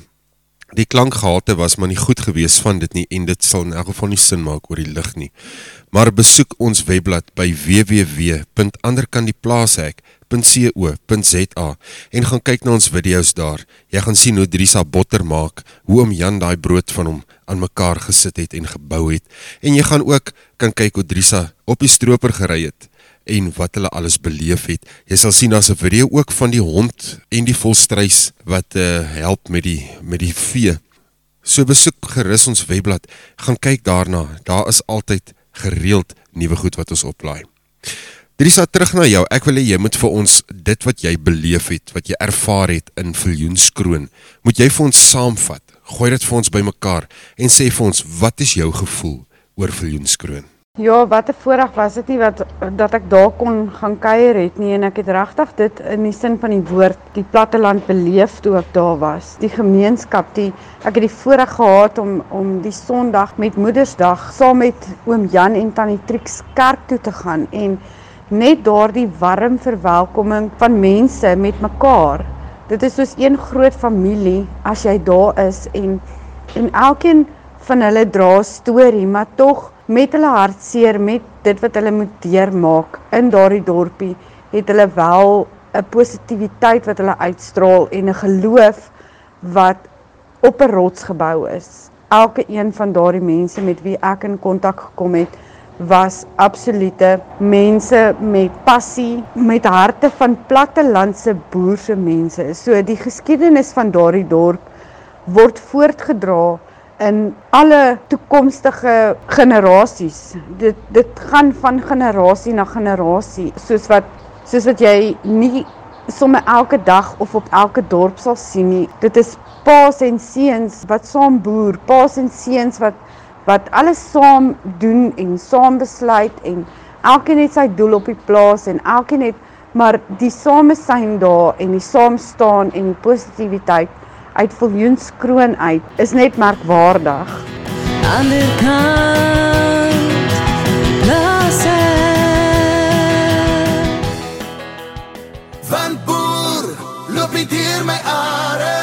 Radio Suid-Afrika is trots om ons ondersteuning aan die TLU SA te kan gee. Die TLU fokus op drie hoofaspekte, naamlik die veiligheid van boere en hul naasbestaandes en werkers op die plase.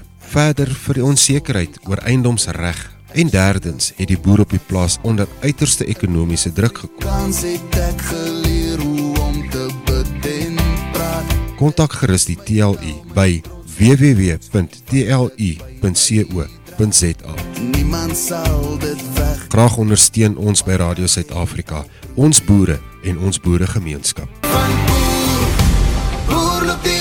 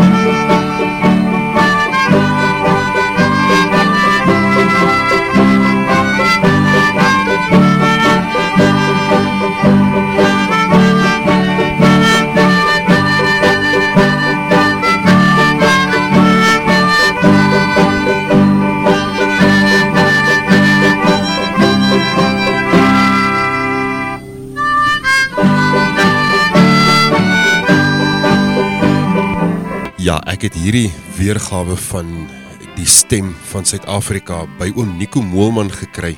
Oom Nico, baie dankie vir hierdie weergawe. Dit is een van die mooi, seker die mooiste weergawes wat daar is wat 'n mens ek wonder al ooit het iemand hom al ooit gehoor. Dis werklik 'n mooi weergawe. Baie dankie daarvoor. Nou goed, dit het seker amper tyd geword vir ons om te groet, maar ons moet daarom seker eers nog 'n bietjie gaan kyk wat Alet vir ons daar in die plaas kom bys opdis. En Alet het so 'n klomp resepte vir my deurgestuur dat ek gedink het, miskien moet sy vandag vir ons twee van haar resepte deel. Nou die een is hierdie havermoutkoekies wat ek so mal oor is en die ander een is wat sy doen met mosterd. So kom ons gaan luister vir al het.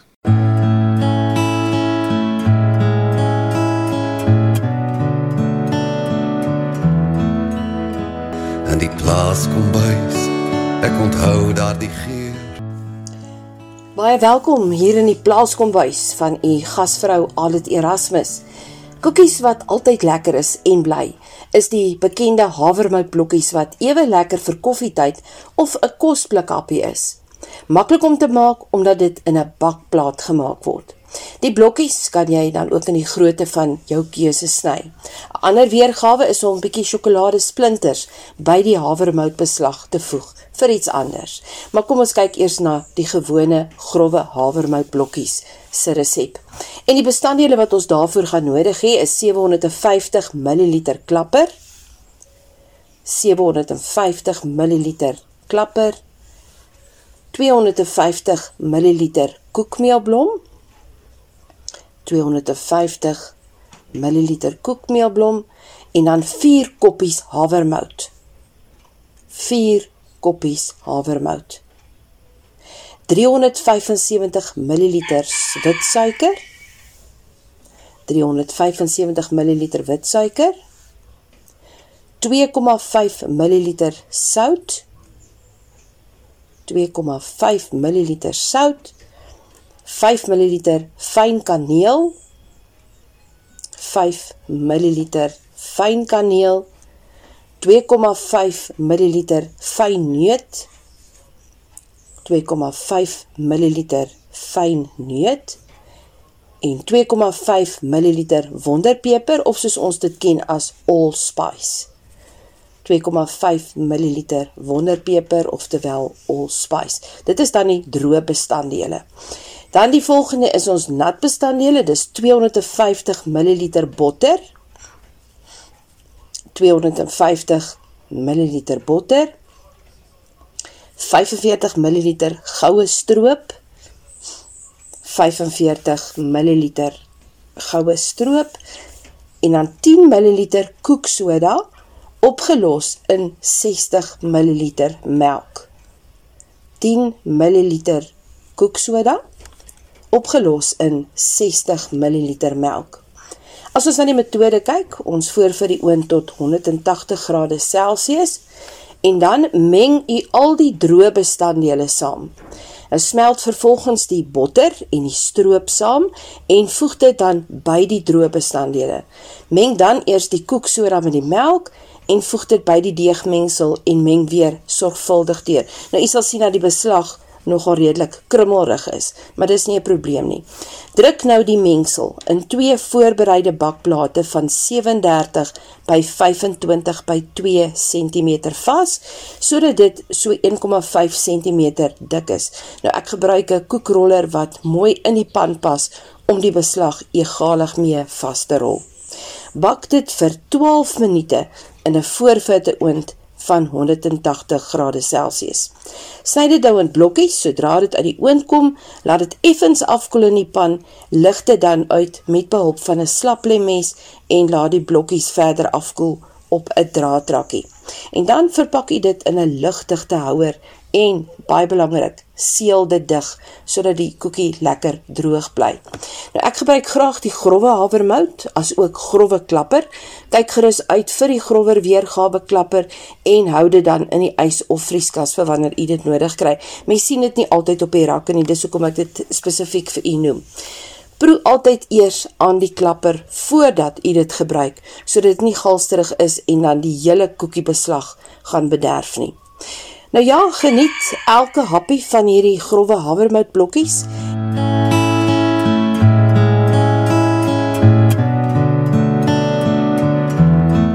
Ek het altyd 'n blikkie mosterdpoeier in die speseryrakkie. So 'n knippie mosterd en soms selfs 'n teelepel by 'n soutgereg sorg vir 'n heerlike pikante geur. Wanneer ek byvoorbeeld daardie maklike skitkos maak, ek sal hom eendag ook weer vir u gee, voeg ek 'n knippie rooi peper en 'n teelepel mosterdpoeier daarbey. Of selfs by wit sous, so 'n halwe tot 1 teelepel mosterdpoeier bring die geurigheid van die wit sous en die kaas daarin na vore. Dan is die mosterdpoeier ook altyd handig, soos wat ons 'n tydjie gelede ook die tuisgebaakte mosterdsous saam met gepekelde tong voorgesit het.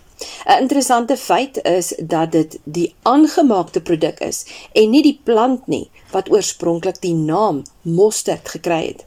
Na aanleiding van die gemaalde saadjies wat tot 'n pasta vermeng was met mos, oftewel ongefermenteerde wyn, vandaar mosterd. Nou mosterdpoeier is 'n koskas staatmaker soos ek reeds na verwys het en die vorm word verkry deur droë saadjies te maal. Dit hou ook lank, maar moet ligtig geberg word. So is baie belangrik maak daai blikkie behoorlik toe. Meng dit altyd eers met koue water voordat jy dit verhit wanneer jy souse daarvan maak om sodoende die beste geur na vore te bring. Die mees bekende is sekerlik die Engelse mosterd wat 'n lekker sterk en skerp geur het. En nou gaan ons die daad by die woord voeg met 'n heerlike mosterd gegeurde gereg. 'n happie wat u dadelik aan kan smil. En ons gaan Italiaanse kaasbroodjies maak. Daarvoor het jy nodig 4 dik snye ciabatta brood. 4 dik snye ciabatta brood. Maar moet ook nou nie bekommer as jy nie dit het nie. Ek gaan aan die einde vir u nog iets noem wat u kan eerder gebruik as jy nie ciabatta brood het nie. Dan 1 en 'n halwe koppie geraspede cheddar kaas. 1 en 'n halwe koppie geraspede cheddar kaas. 50 ml sagte botter. 50 ml sagte botter en ek dink u het dit ook nou agtergekom. Persoonlik verkies ek regte botter. Ek het om eerlikwaar te sê nie margarine in die huis nie. Dan 1 eetlepel gekapte vars petersilie. 1 eetlepel gekapte vars petersilie. 15 ml sterk aangemaakte Engelse mosterd. 15 ml sterk aangemaakte Engelse mosterd en 1 koppie bros gebraaide speksnippers. 1 koppie bros gebraaide speksnippers. As ons na die metode kyk, ons voer 'n bakplaat uit met folie en verhit die rooster element. Onthou alles is gaar want die speksnippers is gaar, jou broodjie is gaar, so ons gaan net van die rooster element gebruik maak. Nou sodra die rooster element gereed is, rooster die vier snye brood tot ligbruin en verwyder dit uit die oond. Nou meng ons die geraspte kaas, die botter, die mosterd en die petersilie tot glad met ander woorde soos 'n pasta. Roer ook die spekstukkies hierby in en smeer 'n lekker dik laag op elke sny brood. Plaas dit terug op die bakplaat onder die rooster element en braai totdat die kaas begin opborrel en goudbruin vertoon. So mens moet dit maar dophou dat hy nie brand nie. Sit dit nou warm voor saam met 'n skeppie marmelade, 'n heerlike kombinasie. Nou u kan natuurlik 'n paar broodrolletjies ook oopsny of opsny in ringetjies en dieselfde kaasmengsel daarop smeer en rooster onder die rooster element om as 'n soutappie of saam met peselhappies voor te sit. In elk geval, die geur is heerlik. Probeer dit gerus. Nou met die reuk van gebraaide spek, kaas en mosterd in die lug, groet ek tot 'n volgende keer vanuit die plaaskombuis. Totsiens. Mm. in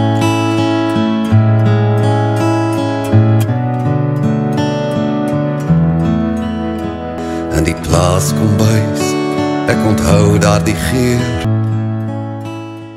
Ryk 'n lekker smaak die goed. Pure plas sê ek vir jou.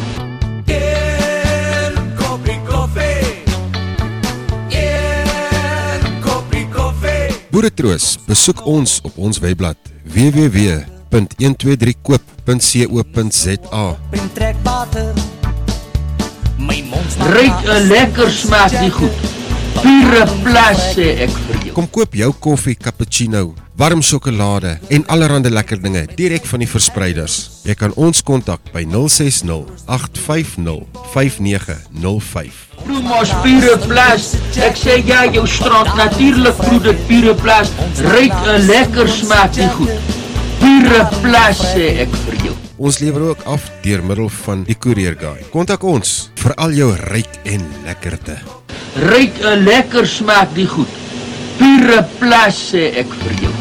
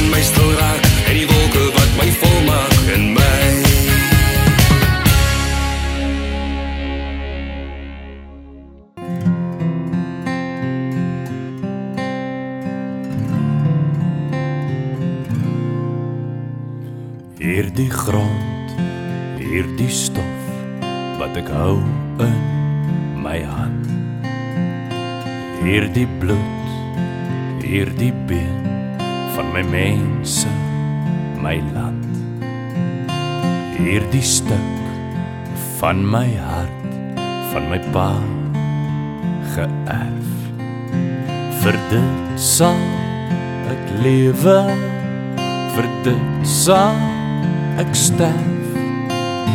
Platte land, toe mense land, skep vir my uit God se hand. Platte land, toe trane land, gebou uit klip, verval tot sand.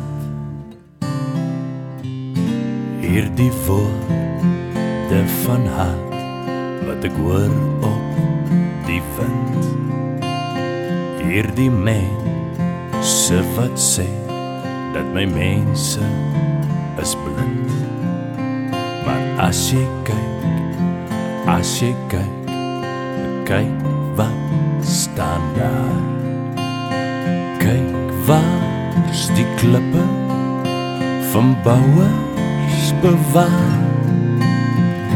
Platte land, toe mense land, skep vir my God se hand. Platte land, toe trane land, bou uit klip, verval tot sand. En wat bly, bly daaroor, hoekom veg ons oor grond? En wat is, is 'n mens, dynamiet met 'n lot.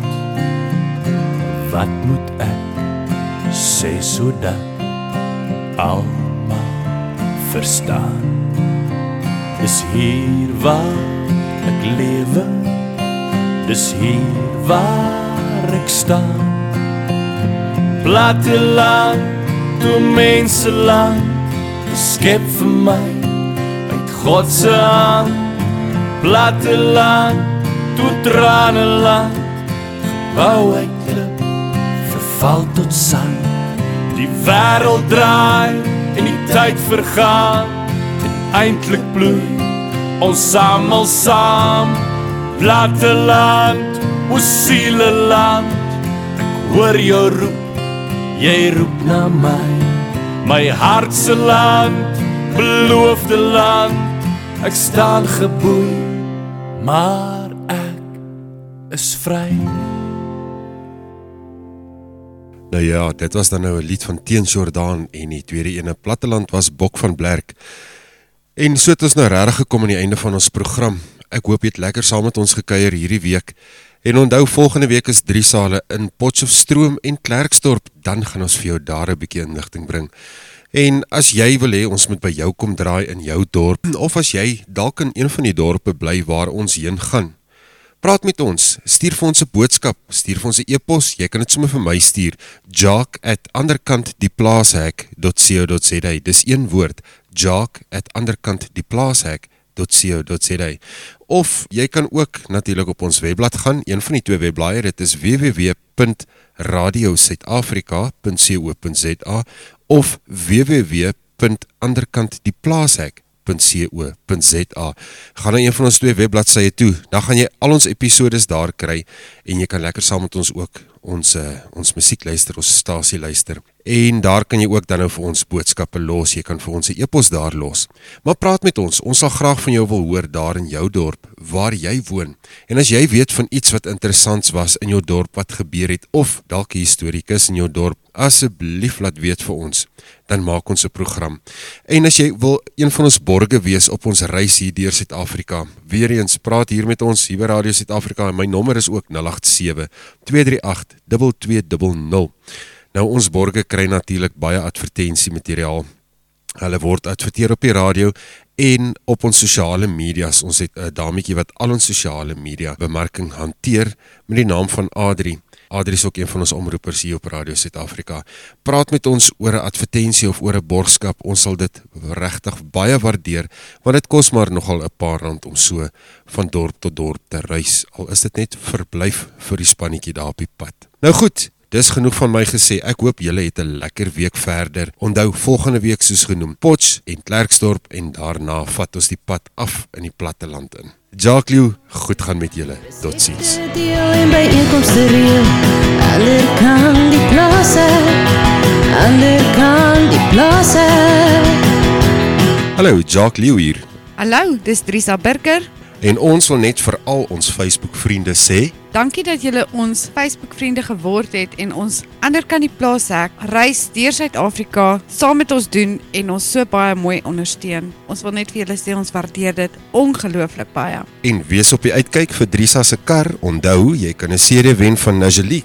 Waarever jy Drisa se kar sien ry, moet jy haar stop en 'n foto saam met haar neem en dan post jy dit op Facebook en tag ons daarin sodat ons jou in die kompetisie kan sit. Ja, en as jy my kar sien staan en miskien in 'n parkering, neem nog steeds 'n foto en sit hom op ons Facebookblad. Nooi jou vriende om hierdie reis saam met ons te kom geniet en laat ons saam staan vir ons boere.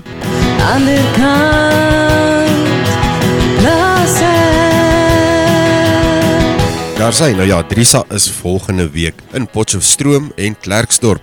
Wees op die uitkyk vir Drisa en Terrens, haar kollega wat saam met haar reis al die pad reg deur Suid-Afrika. Tot volgende keer. Jacques Lew hier.